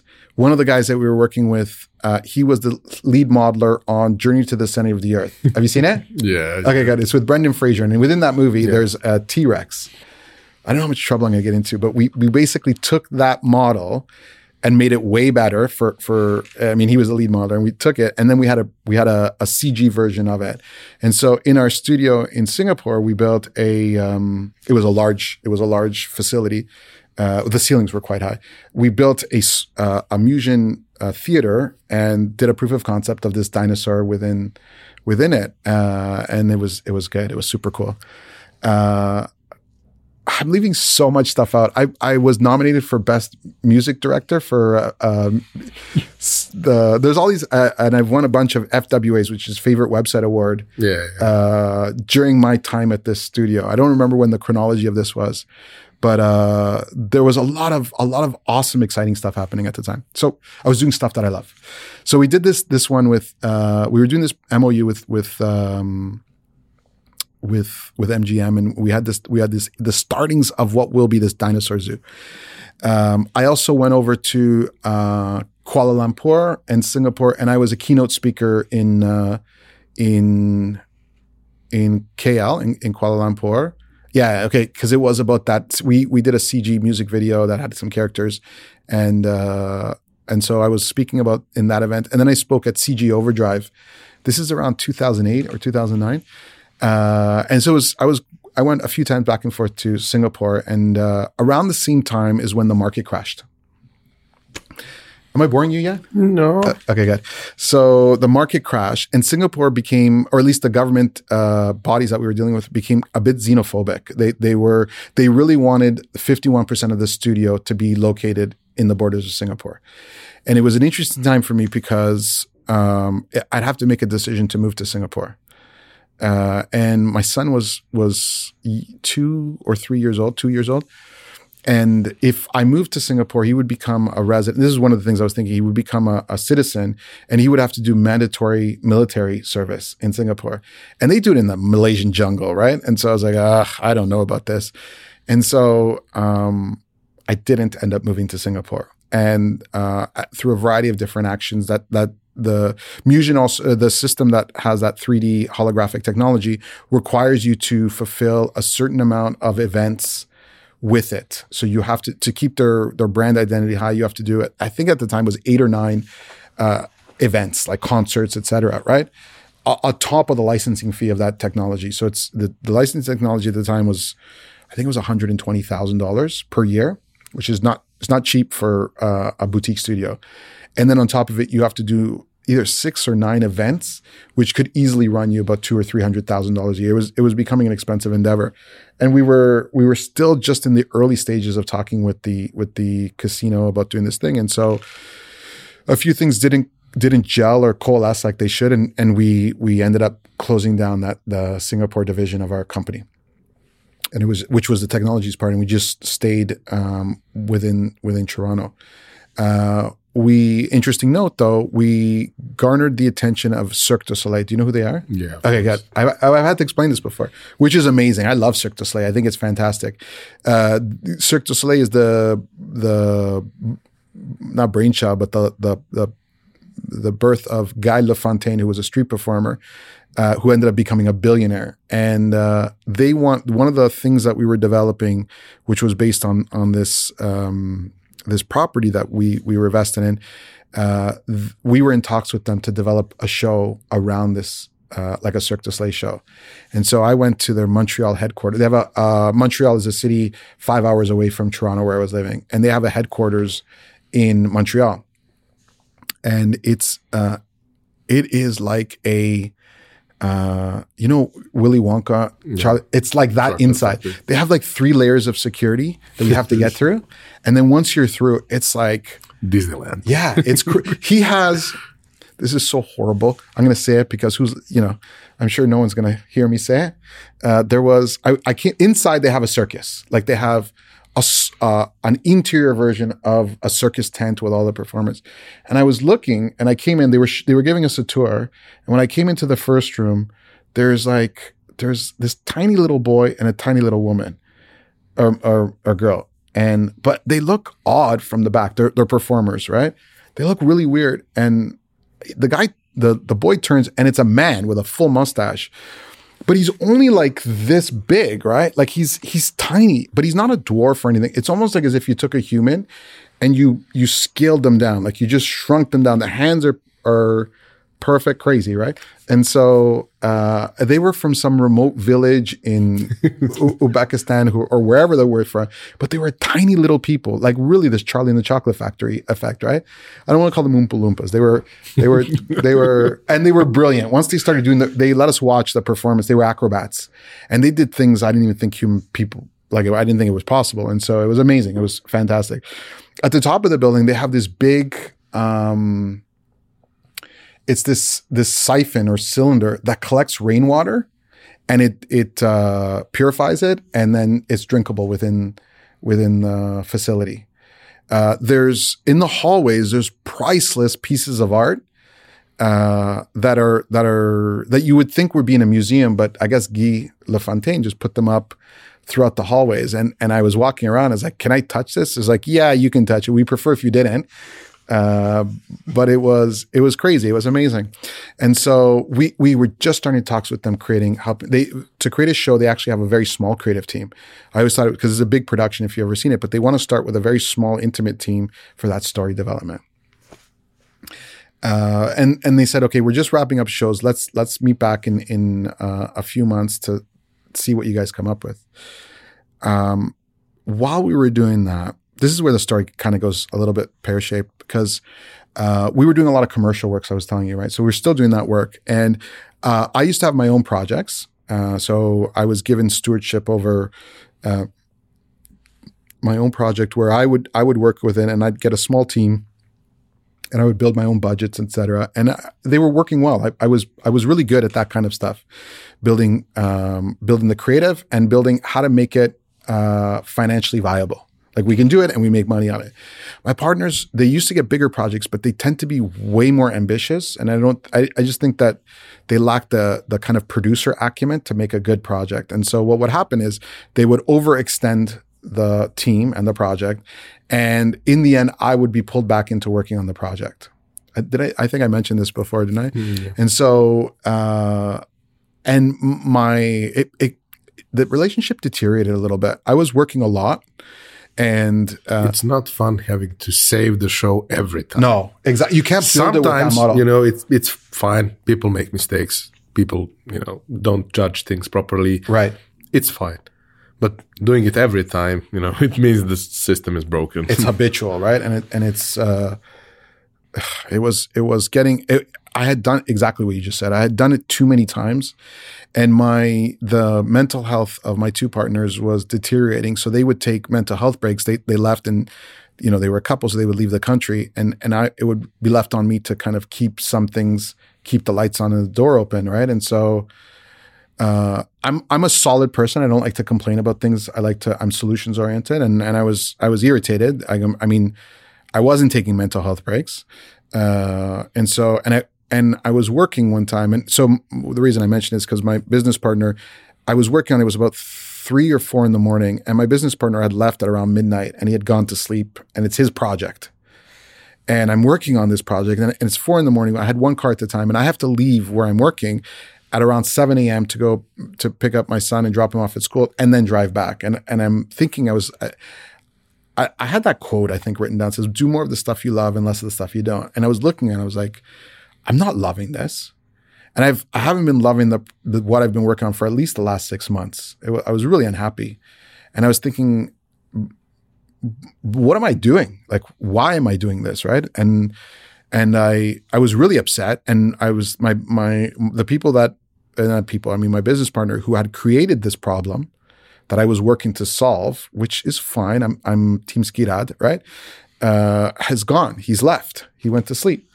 He went to sleep, and I I I couldn't go to sleep, or I chose not to go to sleep to help out, and and I was so angry. And I don't think I said this in the thing, but uh, there was another project, and uh, nobody, I don't think I've ever said this publicly, but uh, my producer who was sitting behind me, she, uh, she had written uh, a, like something where about fire, I don't remember what it was, but she said Pete, blah blah blah blah blah. Like you know, instead of saying hello Peter or whatever, she said Pete, comma. Even it's such a minor thing. My name is Peter. I don't introduce myself as Pete. It's not I don't like it. I don't prefer it if I'm going to do it. I let people who call me it, who have already called me it, continue. But when I introduce myself, I don't say my name is Pete. I don't use it. I use Peter. And this this this email was chastising me, right? Basically, she was telling it was chastising me about something. It was really passive aggressive. But that first thing Best was guy in the female. I hate those emails. and that the person's behind me, like she's maybe four or five desks behind me. So we, you could have just said it. But anyways, it said Pete and then blah blah blah blah blah. And there was this Pete thing that just like, do you know what I mean? Like that straw, like this this effing thing, right? I was just like, and I was like, nope, nope. I I basically flipped the keyboard, pushed the monitor over, shut the computer down, and said, I'm done. I checked out, and I said, I'm I'm not doing this anymore. I'm I'm done. I, and so. Uh, I, I walked away from that relationship. I, I, I basically I didn't try and chase my percentage of partnership. I didn't. I didn't. I didn't do anything. I I walked away from that relationship, and and uh, I I had I said I'm not I'm not doing this anymore. I'll figure something else that'll make me happy. I I this this is not what I love. So I ended that that partnership. So it was like ten years worth of work that that um, I said is enough. So I closed that door. When I look at your CV, basically, there are so many things you've done, and of course, part of this comes from that period a lot of it comes from that period because you were doing so many different things which is really good for you know building skill set and, and stuff like that. Doing different things working on different things different complexities and stuff like that is is really good to develop a, a skill set that's easily adaptable to pretty much anything anyone can throw at you. I also deeply believe that you know good generalists in in terms of um, working on, on something, people who actually know the whole process and can do maybe not the best work, but can pretty much fit in into any role in this process are so valuable because they are I wouldn't say they are necessarily authorities to everyone, but when you know the work and speak to a person, they respect that. It's not like, you know, throwing tasks at them and throwing shit at them and you know nothing about how it how it works. You don't know nothing about how much time it takes how complex it is. When you do it's it's very different. And also when you do if and if you are good at pretty much every step of the process you can help people grow into their position. If they are not ready for that now, but they have talent, they are huge potential and stuff like that, which is something we all look for when, when trying to hire a young person. They need someone to mentor them through the process. To be able to do that, you need to have specific knowledge, but also the bigger picture. Right that comes from working on ton of different projects. That comes from crazy deadlines. That comes from you know no one would figure out an interesting new way of solving things if they had proper time and budget. Right. Everyone would do it the classical way because everyone has done it like that past 50 years. Yeah why risk but it? when you have you know 20 days to do 60 days of work you have to be creative. Yeah. And, and when you have budget worth of 20 days and you need 60 days of work, you still have to figure out a way how to do it to make it still possible, even though some things are going to be left behind, some things are going to drop out and, and they're not going to be used, but helps you find focus, helps, helps you find what's, helps you separate what's important from, from what is not. Um, you mentioned some of the projects. Mm-hmm. Um, were there any other projects prior to your current situation, what, what you're working on, which will be the final piece uh, for this podcast. But uh, during this time, were there any other projects that were special for you in, in some way? It doesn't have to be big deal. People can Google you and, and read your biography. It's amazing. But, you know, what were the projects that were very, very important for you during that time? During this time period? That and what came after. Um, well, let me. Uh, there, there are a whole bunch, but during this time period, there was an interesting one. To your point, uh, where is uh, what what I tried to do, what we tried to do, but it was mainly is that if we have a big project coming up that's going to need some innovation or some new way of thinking about it, we tried to find a smaller project with uh, less budget, more creative control that we could try out this idea and if it works, we can a guinea pig project. Yeah, yeah, yeah. A guinea pig project. We we come back to the guinea pig. Eh? You you've been working. we set that up way back. Yeah. So uh, a guinea pig project where we can try and experiment a lot, make a lot of mistakes, and and be adventurous and bold. And then once we say, okay, this is going to work, uh, let's scale this up and do it on the larger scale project. So um, I'm trying to remember which one came first. Uh, so we were working on uh, some uh, production VFX and and animation for a puppet show. Uh, uh, yeah, it was like so it's a it's a puppet show, but it's on TV. So the characters are like the Muppets, but Yeah. but thing.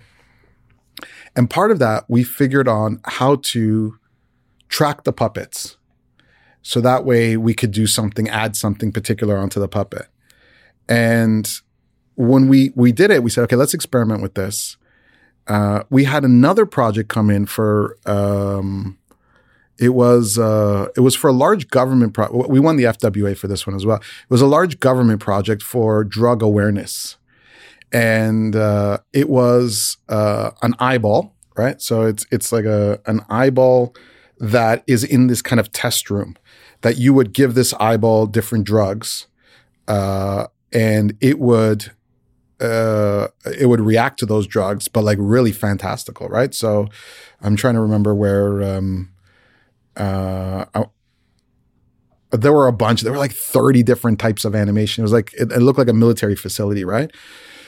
So on this on this puppet one, we figured that we could track the puppet, and in what we were doing, this is a really really early version of almost like mocap, but an entirely Yeah. different. So, so it's not mocap though, because mocap is the performer doing it. But we liked the immediacy of. I don't even think they do it today, right? So here's how we did it. So we like the immediacy of you know when you're performing with the Yeah. puppet, like this thing. It kind of so we could get all the performance, and what we did on this. So we built this small stage uh, within our studio, and then we we we had a performer perform as the puppet. He had this like it's an eyeball that floats, right? But realistic looking eyeball. So it was CG, and so the performer would do this eyeball, and we had we had uh, LED lights, and then we filmed it with three cameras, so we could triangulate what it was. So what what would happen is we had a CG model of the eyeball, a CG version we had this puppet version with these LEDs, and then we had all the cameras capturing the data so that we could track it in three dimensional space.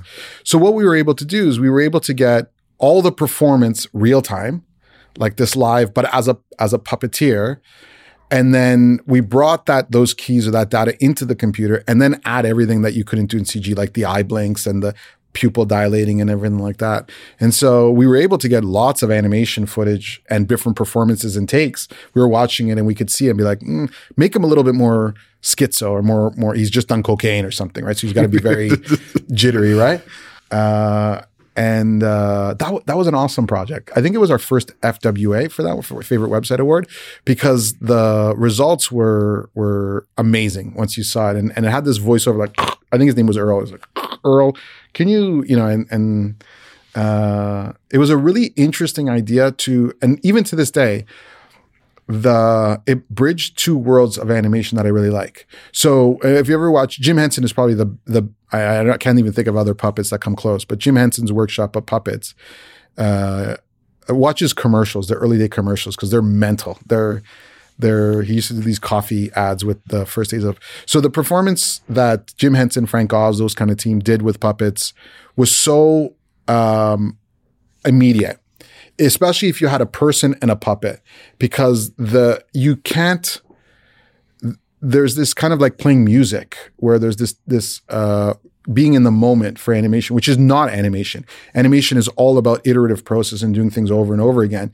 And this type of animation was so immediate so temporal so of the now that puppet animation still looks great. And especially if you have two dynamics. So we're able to capture that the performance. So do multiple takes multiple take multiple takes until we get what we want.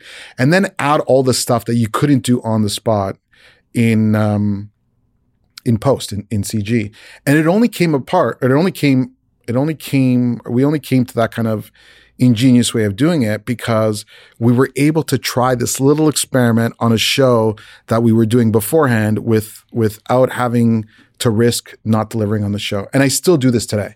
So I've done this kind of same model when I when I have a bigger project coming, I check our, our slate of what projects we have, or I try and get another project that's close, and I say, okay, we're going to do this this big way of doing something let's see if we can take a small version of this and inject it into this project and test it out and seeing what we're going to do. Uh, I mean, Pixar does very similar ideas with they do a short film where they test out fluids or water simulation. Uh, and then with that one, they get all, all the kinks and then they, they make a full feature film, right? And so uh, it's the same kind of model. So this, this, ex- I think it was called Experiment with an X, was one of those projects around that same time.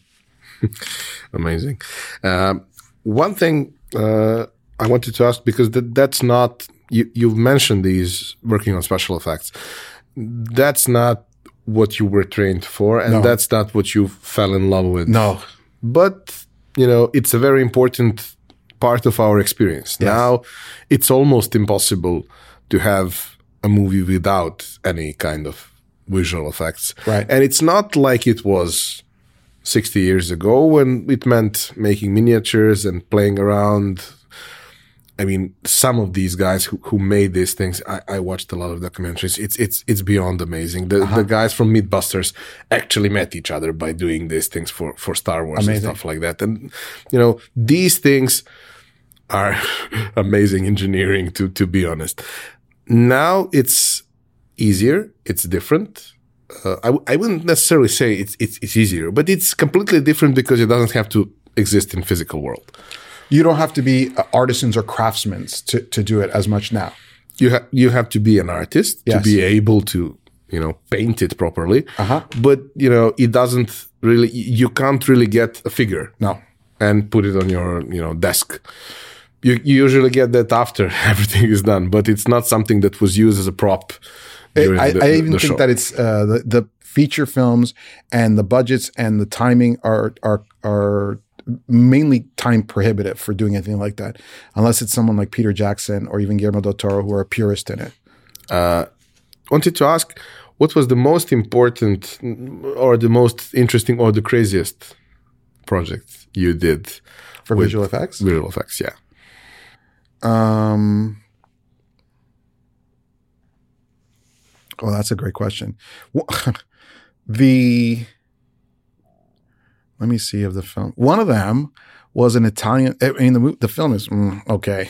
The actual narrative. In fact, I knew going into the film that it was. I read the script and I was. Um, it's a world building script, and I'm.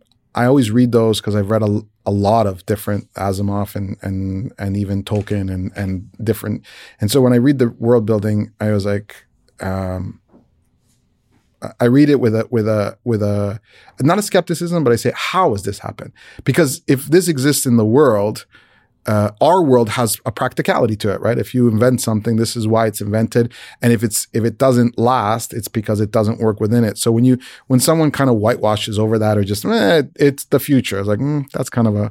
So, anyways, there there was some difficulty there in terms of the script, and so part of the part of the pitch was that they're going to to solve a lot of it through through visual effects, which is a bad recipe, anyways. It's much of that spectacle thing we are talking about, but it, it was one of the projects on the on what we were doing, and like in marketing when they when they give you something that's already done and say now make it viral yeah.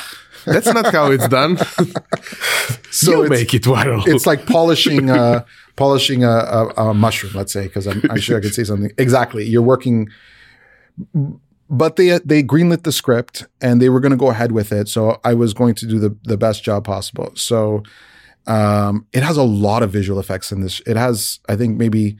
700 different shots, which is the volume was quite large in it, with full CG backgrounds, full uh, dynamics. We had a whole city that crumbles. It became super ambitious. It was, uh, wow, I remember this movie. It was, we filmed in, but it was one of my first forays in being on many different film sets. So I was on, we did a portion in, in Toronto. So it was Danny Glover, uh, full green screen environment. So, uh, I mean, again, we're not, I, I wasn't Marvel. I wasn't working for, you know, this is an ambitious program. Uh, full green screen environments, full, so it's full, full, um, environment recreation. Um, so we filmed a few days in Toronto, then we filmed in Malta, and then we filmed in Rome. And, uh, the amount of world building and amount of visual effects within the film is daunting. There's some, there's some terrific visual effects in the film. Uh, there's some really good ones. I, I mean, with the uh, full cities, full full. There's a full destruction of a city. There's a whole opening sequence that is complete CG that takes place in uh, uh, what would be uh, like old Templar knights. Uh, it's a tomb, and so we we traverse this desert, and uh, Alec Baldwin is also in this movie as well. yeah, yeah, it's funny. Um, so that was that that film, uh, Andron. It was it was the film. The film is the story could be better. Uh, it's almost a derivative film of of uh, myth no Maze Runner or Hunger Games or I like to consider more like Running Man, which was the okay. the the Arnold Schwarzenegger. Yeah. I think it's Paul Verhoeven. Yeah. yeah. Uh, so it had that kind of feeling. Um, the the movie itself could be better, but the visual effects. Uh, there's a large chunk of them are stunning, and it, they weren't they weren't straightforward visual effects like green screen removal, or these were full CG environments, full uh, CG vehicles, uh, there's a character who has a full uh, he's a he's a robot in it, but it, this it's a fully mechanical head, and so th- I'm quite proud of the visual effects in the movie, especially because the team was not huge. It was it was a substantial team, but it wasn't huge, uh, and we did it with. It was a tricky film to get everyone on board for what needs to be done in visual effects, because they were filming it like a a meet not low budget movie, but filming it like a, a smaller scale movie uh, like run and gun or or filming with like handheld camera work, right? Which is the exact opposite what you want in, in a CG film, right? You want to control every shot and how you and everything has to be perfect. This was the exact opposite. So the budget of the film, meaning what we were able to achieve in visual effects, based on the way you'll see a lot higher budgets or you'll see a lot of higher budget films who are much more stringent about how they shoot. And this one was so ambitious in the shooting because they weren't anticipating doing the visual effects. I was on set and it took a lot of education saying, this is a really difficult way of doing things, guys. It's not, we got to do it this way. I was like, ugh. So I, I mitigated as many of the problems as I could at the time, but the amount of visual effects and what had to be done with them is, is very impressive. I'm, I'm really happy about the visual effects for that film. So that was one of them. Uh, and it lent me ability to move on to other projects and do quite well. Um, somehow in, in, in the industry, I think one one important factor is how good the film is. Yeah. But the other thing is, I'm pretty sure that you know people who are in the industry can dissect and say, okay, the story is maybe not that cool, but what these guys did is amazing. Let's call these guys. So it's usually something that, you know, if you put in your portfolio, maybe you know you can always say please don't watch the movie but here is the show reel from the movie. yeah, yeah. just take just take a look at that. So our reel our, our vfx show reel was wonderful but the movie uh, but again though it's so much better if the film is uh, really good right? Because then it then it, it, it it gets its own accolades. So that that was one of them um yeah that was a good one. That for for visual effects um I did one called Black Butterfly, which okay. was was a good film, better film. The ending needed a bit of work, but it was Antonio Banderas and Jonathan Rhys Meyers. And uh, in that film, remember I was discussing how I take one idea and then expand upon it. In that film, we had to film uh, in location uh, so on soundstage, but the the outside needed to be on location, and so and there were some sophisticated camera moves in it. So we built a multi. Remember what you were describing that that kind of glass, but we built a three dimensional multiplaning um, environment, uh, okay. and we this was in the days when camera projection wasn't so popular. So we I went on set to where we were filming, and I took so many different photos and we were able to stitch them together, build a, a, really simple geometry, really simple shapes, and project the photos. So we didn't have to worry about lighting or anything because it was baked into the photos themselves.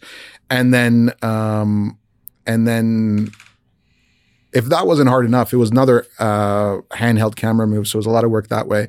But you only saw it uh, through windows and sometimes with the doors. So it wasn't the full uh, set. It, it, was just enough that we could tell if we were doing it right. Uh, and I knew that the next film we would be working on, it's about a bank robbery. Uh, the next film or the, the, second film, I already gotten the script for it. And it's a bank robbery that they have to recreate 1970s uh, Orange County, California. And we weren't going to film there. We're going to film in Atlanta. So we would have to do it in a full 360 blue screen. So we would have to do the same thing only on a much larger scale. So I said, okay, let's do it because you can do what we were doing basically by doing uh, something like a backdrop where you Yeah, yeah. you just project it. But I said let's be a little ambitious in this and build it in three dimensions, right? Like so that we can figure out how to make this work. And then once we go into this next film, we just scale out this uh, procedure, and and we already have our legwork done on it. Does this make sense? Yeah. Yeah. So uh, this is this is kind of I don't know if it's my talent, but I'm I'm able to see a problem ahead of time or a challenge ahead of time and anticipate how to solve smaller versions of it, like the node base of it. And then when by the time we get to the problem, it's manageable. It's not like you're putting out so many fires, but uh, we have a tactic or a plan or or uh, a way about doing it that's going to work that can scale out. Yeah, basically, you take the impossible and you make it possible. Not easy, but possible. Yeah, I love the way you said it. That's exactly right. Uh, yeah. Okay, so after finishing up with the studio you were partner with, Yeah. you were partnering. um, what? How did things unfold? So I went to. I have a good friend. Uh, his name is Bobby Chiu. He has. Um, he just. He's he's the founder and creator of Imaginism Studio, which is his own studio. He's he's a wonderful uh, uh, uh, concept artist, painter. Um, uh, he did a, a bunch of the characters from um, Alice in Wonderland, some Men in Black. Uh, Bobby and I were classmates, uh, and we actually worked a lot within within school. He's a good friend, um, and he called me up and he said. Uh, he also did Lightbox Expo. Do you know what that is? Yeah, he, that he's a founder of that as well. He called me up and he says, "Hey, how's it going?" And I said, "It's going well." I was a little bit sad. I was depressed a little bit. I was down. And he says, "Listen, I, Paul Lasaine, he's a painter. He worked on Lord of the Rings. He was also a traditional uh, matte painter who used to paint on glass for for movies. And Lasaine, I'm a big fan of Paul Lasaine. He says, I'm he, I'm doing a conference, like I'm doing one of these things, and and Lasaine is one of the speakers. Why don't you come by? Uh, you know, you can you can you can watch his seminar, and then we're having a drink and meet afterwards with all with all the artists, and and you can you can meet him as well. And I said, well. I don't know. I'm not feeling down for it. And he goes, and I go, you know what? I'm, I'm kind of broke too. I, I can't afford your conferences, right? I was being cheeky. He says, no, no, no, come for free. You're, you're my guest, right?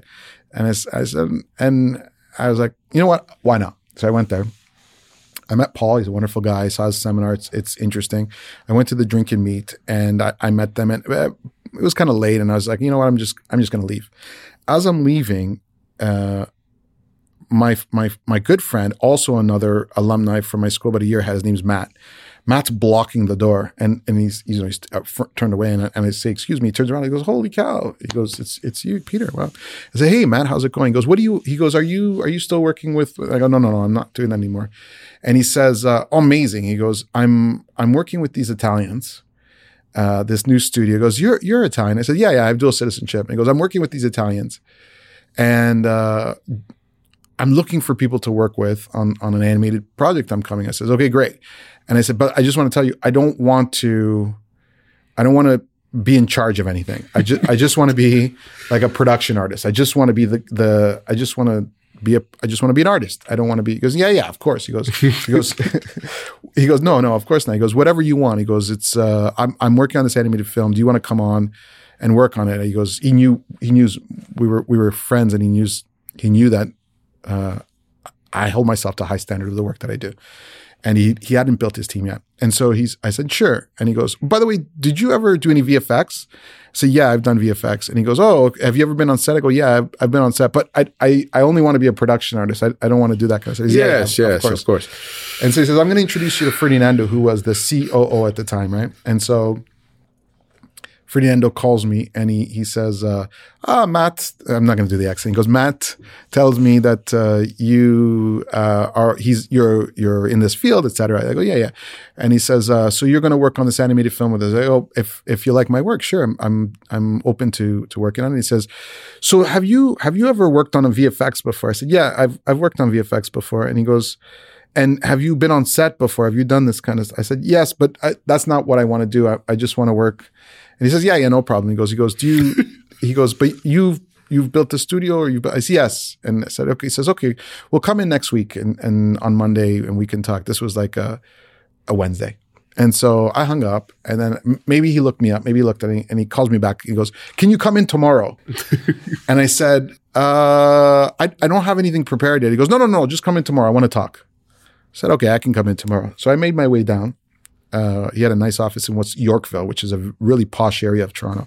And I go upstairs, and he has the poster of the animated film they're going to start. And uh, like a magic trick, he takes the one poster and then he slides it away and puts another poster in front of me. He says, "Okay, there's this animated film, but before we start that, we have this uh, CG. Sorry, we have this live action movie that we need to do the VFX on." I said, "Okay," and I said, um, "He says we we I don't have anyone, and and I saw that you've worked on it before." I said, "Okay," and so he says, "We uh, do you think you can help out?" And I said, "Okay." How many how many artists do you have? He says, "Well, with you, we have one, right?" I said, "Oh my god!" And I said, uh, "How many? Uh, how big is your facility? Like, how how big is your studio?" He says, "We're going to build you the best studio." Said, "Okay." And how many shots are there? He goes, "It's it's about three hundred shots." I said, "That's a lot." I go, "How long do you have?" And he says, "If we have about a month and a half." And I said, "Wow." This is a monumentous task, by the way, without a studio and no animation team. And frankly, someone who doesn't want to be doing this as well, right? So I was I was sitting there. I said, and I I didn't want I wanted to work on this animated film, and I and I was saying, okay, I have an idea. It's like uh, I'll do this. I'll do the VFX list. So I'll do the bid, which is uh, what it is. It's an a la carte menu of the VFX that are done for the. I've done a few of them before, and uh, I've done many after since. But it takes the different shots of the film that need VFX, and you basically indicate what needs to be done in visual effects. Uh, what departments like what you need from production, and then how much it's going to cost per shot. Roughly. Roughly, yeah, ballpark. Sometimes you do it right from the script, which is mold ballpark. Sometimes you do it after film is shot, and then you have an idea of, of what it's going to do. It's usually about a week, a week and a half to do something like that. And so I went home and I was like, okay, I'll do a great job for them. It took me, I did it about three days. Really, really well done. And I knew he didn't have anybody and I wasn't going to jump into it. And I basically wrote all the positions you would need to do each shot. So if I saw the shot, I said you need a you need a match mover, you need a roto artist, you need a, a 2D compositor, and then you need someone to do color correct. Right? I didn't break down each budget, but then how much it would cost roughly. And so I, I came back and I presented to him. I said, "Here's a VFX list. Uh, consider this as a goodwill gesture. Um, once I jump on the 2D animated film, uh, you you can take this and you you know what the budget of the film is. And, that, and Andrea, my boss, Andrea Iervolino, who I'll get to in a second, was also there, and he had looked at it, and my numbers had lined up with a lot of the other studios that they had shopped. And when I mean studios, I went they went to all the big production houses, and had had figured out how much it's going to cost. And my my numbers lined up, and so it looked like I was it looked like I was downplaying exactly my expertise, right? Like it's like how they had spent money getting these other VFX lists, and I'd come in and and mine lined up, and he goes, he goes, okay, you're the VFX supervisor. I go, no, no, no, no, no, no, no. I'm the artist who's working on the on the film, and he goes, no, no, no, you're the guy. I said, I'm not the guy. You got the wrong guy, right? And he goes, no, no, no, you're the guy, right? So I said, I'll do this. I said, I'll take this uh, and I'll call some of the people that I've I've worked with, other VFX supervisors within the within the field, within the industry, especially in Canada. There's quite a few of them, and I'll find you someone to jump in on this. Uh, tell me what the budget is for the position, and, and I'll work with it. So they told me, and I'd spent a, a, f- a few days, and I'd called up other VFX supervisors or uh, VFX leads or, or people that I thought were good positions, and I told them how big. They you know same questions: how big is the studio? How many people is there? How many shots? When is it due? Right? And so I said blah blah blah blah. And like it's impossible. And so the other one, it's impossible, Peter. You, it can't be done. Are you kidding me? This is impossible. And I was looking at it, I go, it's not impossible. Right? It's just insane. Yeah, it's nuts. it's improbable. It's difficult. It's hard to sell, but it's not impossible. So I was looking, I was looking, I was like, because I knew my numbers. I'd worked it out. I said, okay, if you do this, this.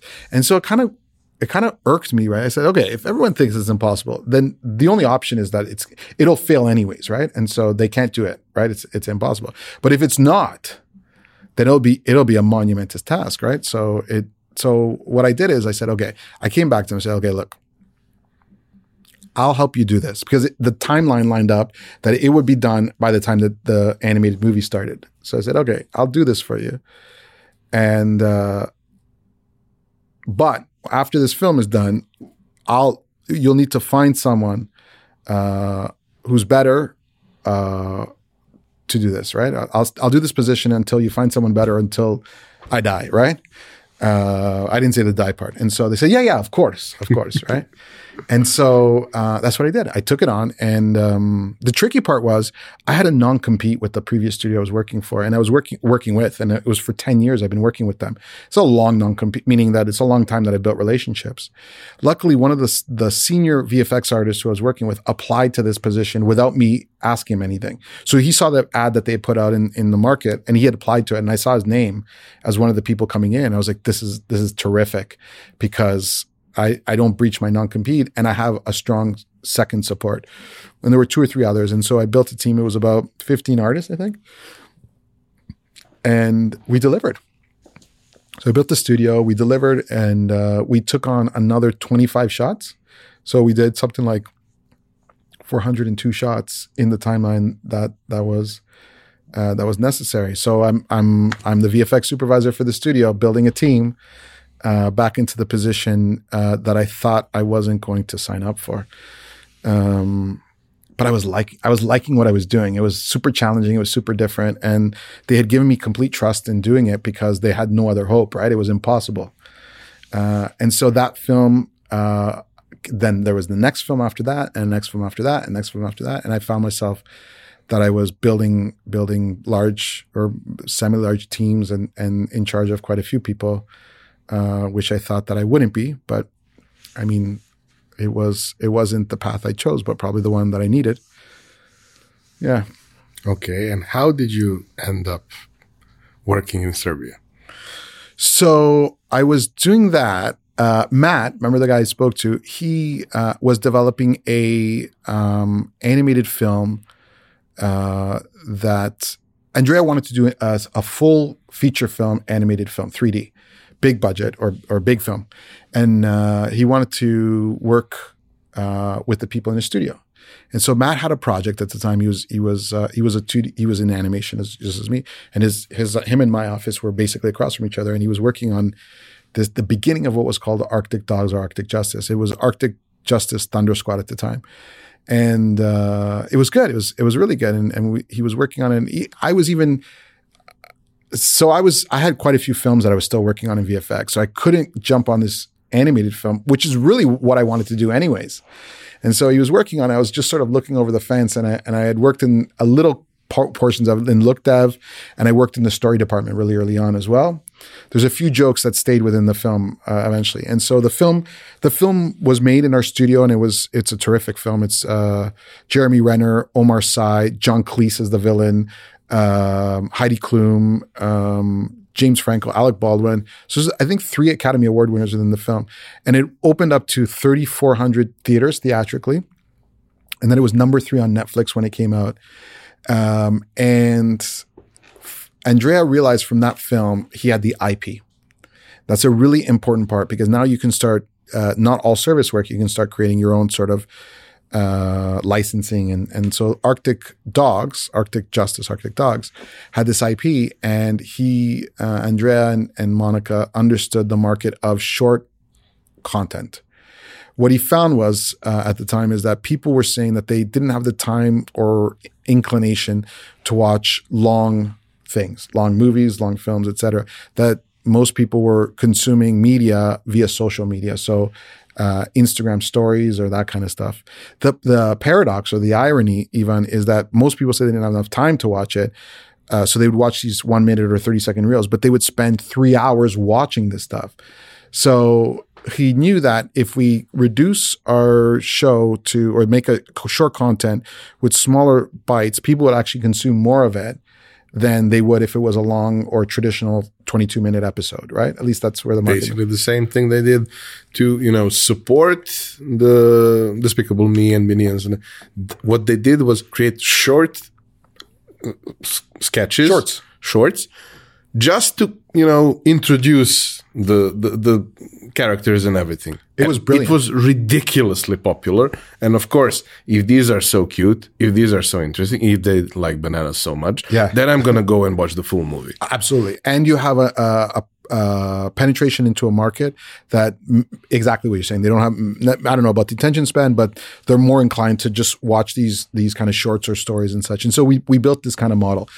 And, uh, at the time, uh, the Canadian studio, we weren't working on any of, I had a couple of the films, but it was, um, I had this interesting model where I didn't need, uh, I could do it with a remote studio. So some of the people I had worked with, I, they had branched off and formed micro or boutique studios, and I didn't have, or we didn't have to carry the overhead of of these of the artists, etc. And the feature film had had shrunk down, and Andrea wanted to move all his operations to Italy. Uh, so none of the Canadians that were working there, uh, I don't know if they didn't qualify, but they they they kind of the studio kind of dissolved a little bit, right? I had my CG part of it. There was just, there was a few of us. There was about ten that still remained, uh, but there were most of them were either remote workers or uh, freelancers that I was able to uh, galvanize to work on the, on the films that I was working, and then the animation was all being done or will be done, uh, especially the pre-production overseas in, in Rome, and so uh, he kept me on for all the aforementioned reasons. And I was also familiar with, I was the only one left of the legacy of the previous studio. And so I knew where everything was and I, I knew where, uh, I, I knew the property. And so what happened is I went to Rome and I started working with a studio that we, we helped build there uh, to now start creating the series work based on the Arctic Justice IP. So I became the showrunner. I, I was the creator and the showrunner and the creative producer for uh, Arctic Friends. And then uh, we had started working with uh, Johnny Depp was involved on one of our feature films, and he wanted to get back into animation, but didn't want to work with Disney. And you, I don't know if people know, but it was a very interesting time in his life, right? Yes, yes. And Andrea told him, he said, no, no, no, we have an animation studio and we want to make Johnny Depp as a cartoon character. And he loved it. And so we created Johnny Puff. This was the first. He, he basically is a cartoon He, character. but that's the thing. He is the personification because he's so bohemian. He's so, I mean, as a, Unreal. yeah, but in the most fantastic way. I was thinking about it the other day and I was like, who is a bigger movie star than Johnny Depp? And I can't think of one for this reason because Johnny Depp has the appeal for children. He's he's Jack Sparrow, et cetera.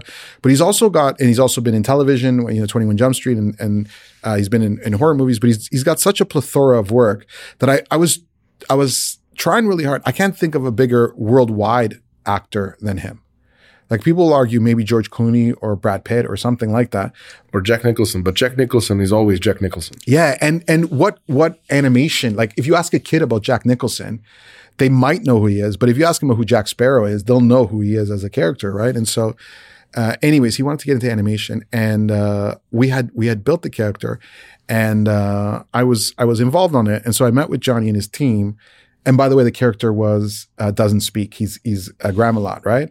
And Johnny loved this idea. He's like, so we had talked about um, what are the words? Like, what's the vocabulary? And how does this vocabulary work? And and is this uh, because one of the things is you don't have to be Tolkien-esque. You don't have to create Elvish or Dwarvish, right? Because that's not what the puffins do. And and uh, what you need to create is these small words or small vocabulary that imply things, but aren't really necessarily saying it. And, and he- talk. yeah, and he loved it. He says, "Okay, you need something to describe urgency. You need something almost even like it's a bad example. You know, if you have a dog, right? A dog has like bark, but it has a bark for wanting to go outside. So it's like, oh, and has another bark for someone at the door, and has another dog is like, you know, like, hey, are you gonna feed me? Oh, right? And it's all it's all inflection, right? So it's only using one word, right? And so, but with with Johnny's character, we developed a little bit further because he's a bit of a wanderer, and I'm getting to the Serbia part in a second. So he's a bit of a wanderer, and so we developed this thing, and we made puffins, and I w- I was the showrunner for that.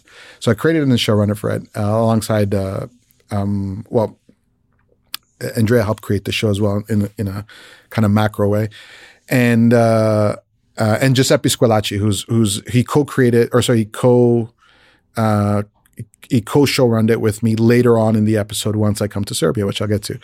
So Andrea uh, Iervolino was we had worked with Milos Bikovic, who's uh, quite a big celebrity here as well, uh, on a film um, called Beyond the Edge, star- starring him and Antonio Banderas, and and, a, and so and Andrea came here in March or or February of 2020 for a movie premiere. Fun times. Super fun time. And right at that time is when the lockdown, he couldn't go anywhere, right? So Andrea, I haven't seen him stay anywhere for longer than maybe six days. And he was stuck here for four months, right? Uh, and we were always thinking about expanding the European studio uh, in Rome into a different territory. We just weren't sure wh- where it was. And um, he called me up and he says, I need you to come to Serbia. I'm like, where? Serbia. I said, okay. And he goes, I go, but it's COVID. He goes, not here. not here. The Serbians are not recognizing COVID, right? He goes, everything's the same way, right? I said, okay, fantastic. And he called me up. He goes, you, we're opening up a studio in Belgrade. And uh, I said, okay. I said, I wasn't sure how to read it because he always calls me with these fantastic ideas, right? I think I told you about the Ferrari or Lamborghini story. And so I said, okay, uh, why don't you call me tomorrow with some of the details? Actually, he says, I'm going to call you tomorrow with uh, some of the people here on the ground who will be working with. In this case, it was ADS, Archangel Digital Studios, which is uh, Milos Bikovic's company uh, alongside. Tatiana, yeah, and and uh, Boyan. Uh, great, great, great people. And he called me and he called me the next day and he says, okay, so we're opening up the studio in Belgrade in Novi Sad. I said, whoa, whoa, hold on. He goes, is that the same place? He goes, no, we're opening up two studios. I said, we're opening up two studios. And he says, yes and he, he connected me with Meleta and Pedja, who who have the they were uh, they had their own studio in in Novi Sad, and they were also professors at the academy there. So I was on this this very large Zoom or Skype or whatever call with a bunch of people who are asking me how we're going to make this studio, right? Because I'm the guy, right? And so um, I came to Serbia and we we started from the ground up from from scratch. We basically put an open call, which I think uh, Milos and Andrea did uh, socially, like on social media, and uh, we started to build the studio with Puffins Impossible, which is the new animated um, action adventure version of Puffins, which is uh, I love it in so many different ways because Puffins is terrific. I like it. Uh, but it had to conform to certain things, right? Puffins are the little, uh, if I haven't explained it, there's a character within the film that's like our own minions, but essentially it's a, a puffin. If, if for those who don't know, it's almost like a penguin and a parrot had a love child. It's, it's called like Arctic parrot, basically. That's the yeah. It's an Arctic parrot, uh, and they're adorable and they're cute. Yes, uh, and in real life and in cartoon, they're stunning and they're they're. I mean, the aftermarket value of them is incredible. And so Puffins was great, and Puffins Impossible was kind of like the action adventure superhero version of it. And it and a lot of the stuff um, because it was done in Serbia and working with the team here was able to be almost blue sky, almost uh, no ceiling, right? Because Andrea came here and he's like, okay, we're going to do it. And then he said, uh, so he's like, uh, he, when they were walking in, in, uh, uh, or something. And he goes, eh, you know, I think I'm going to buy a flat here. Maybe I'm going to, I'm going to you know, I'm going to buy land or something, right? And then the border opened up or whatever, and he's like, I'll be back, and then left, and just,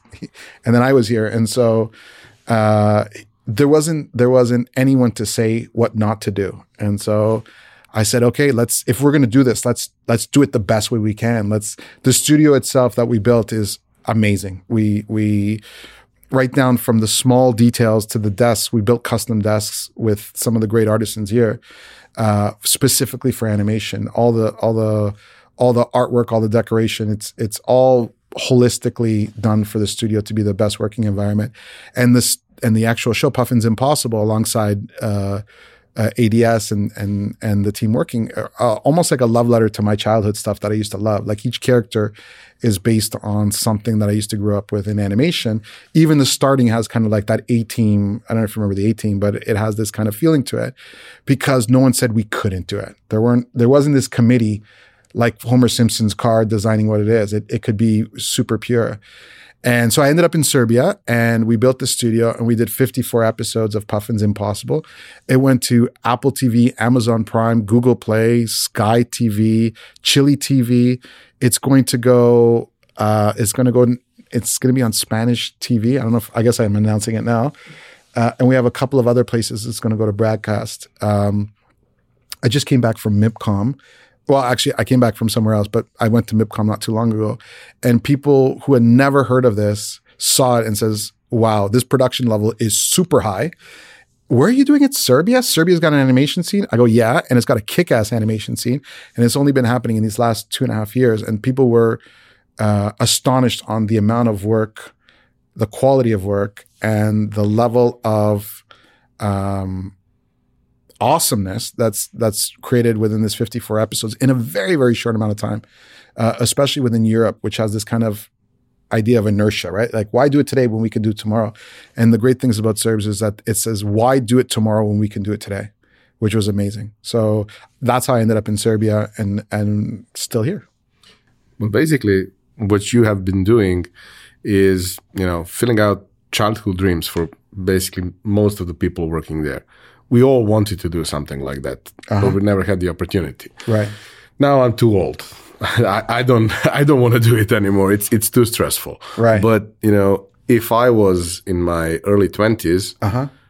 and I wanted to make a leap of faith in some field when it comes to my career, uh-huh.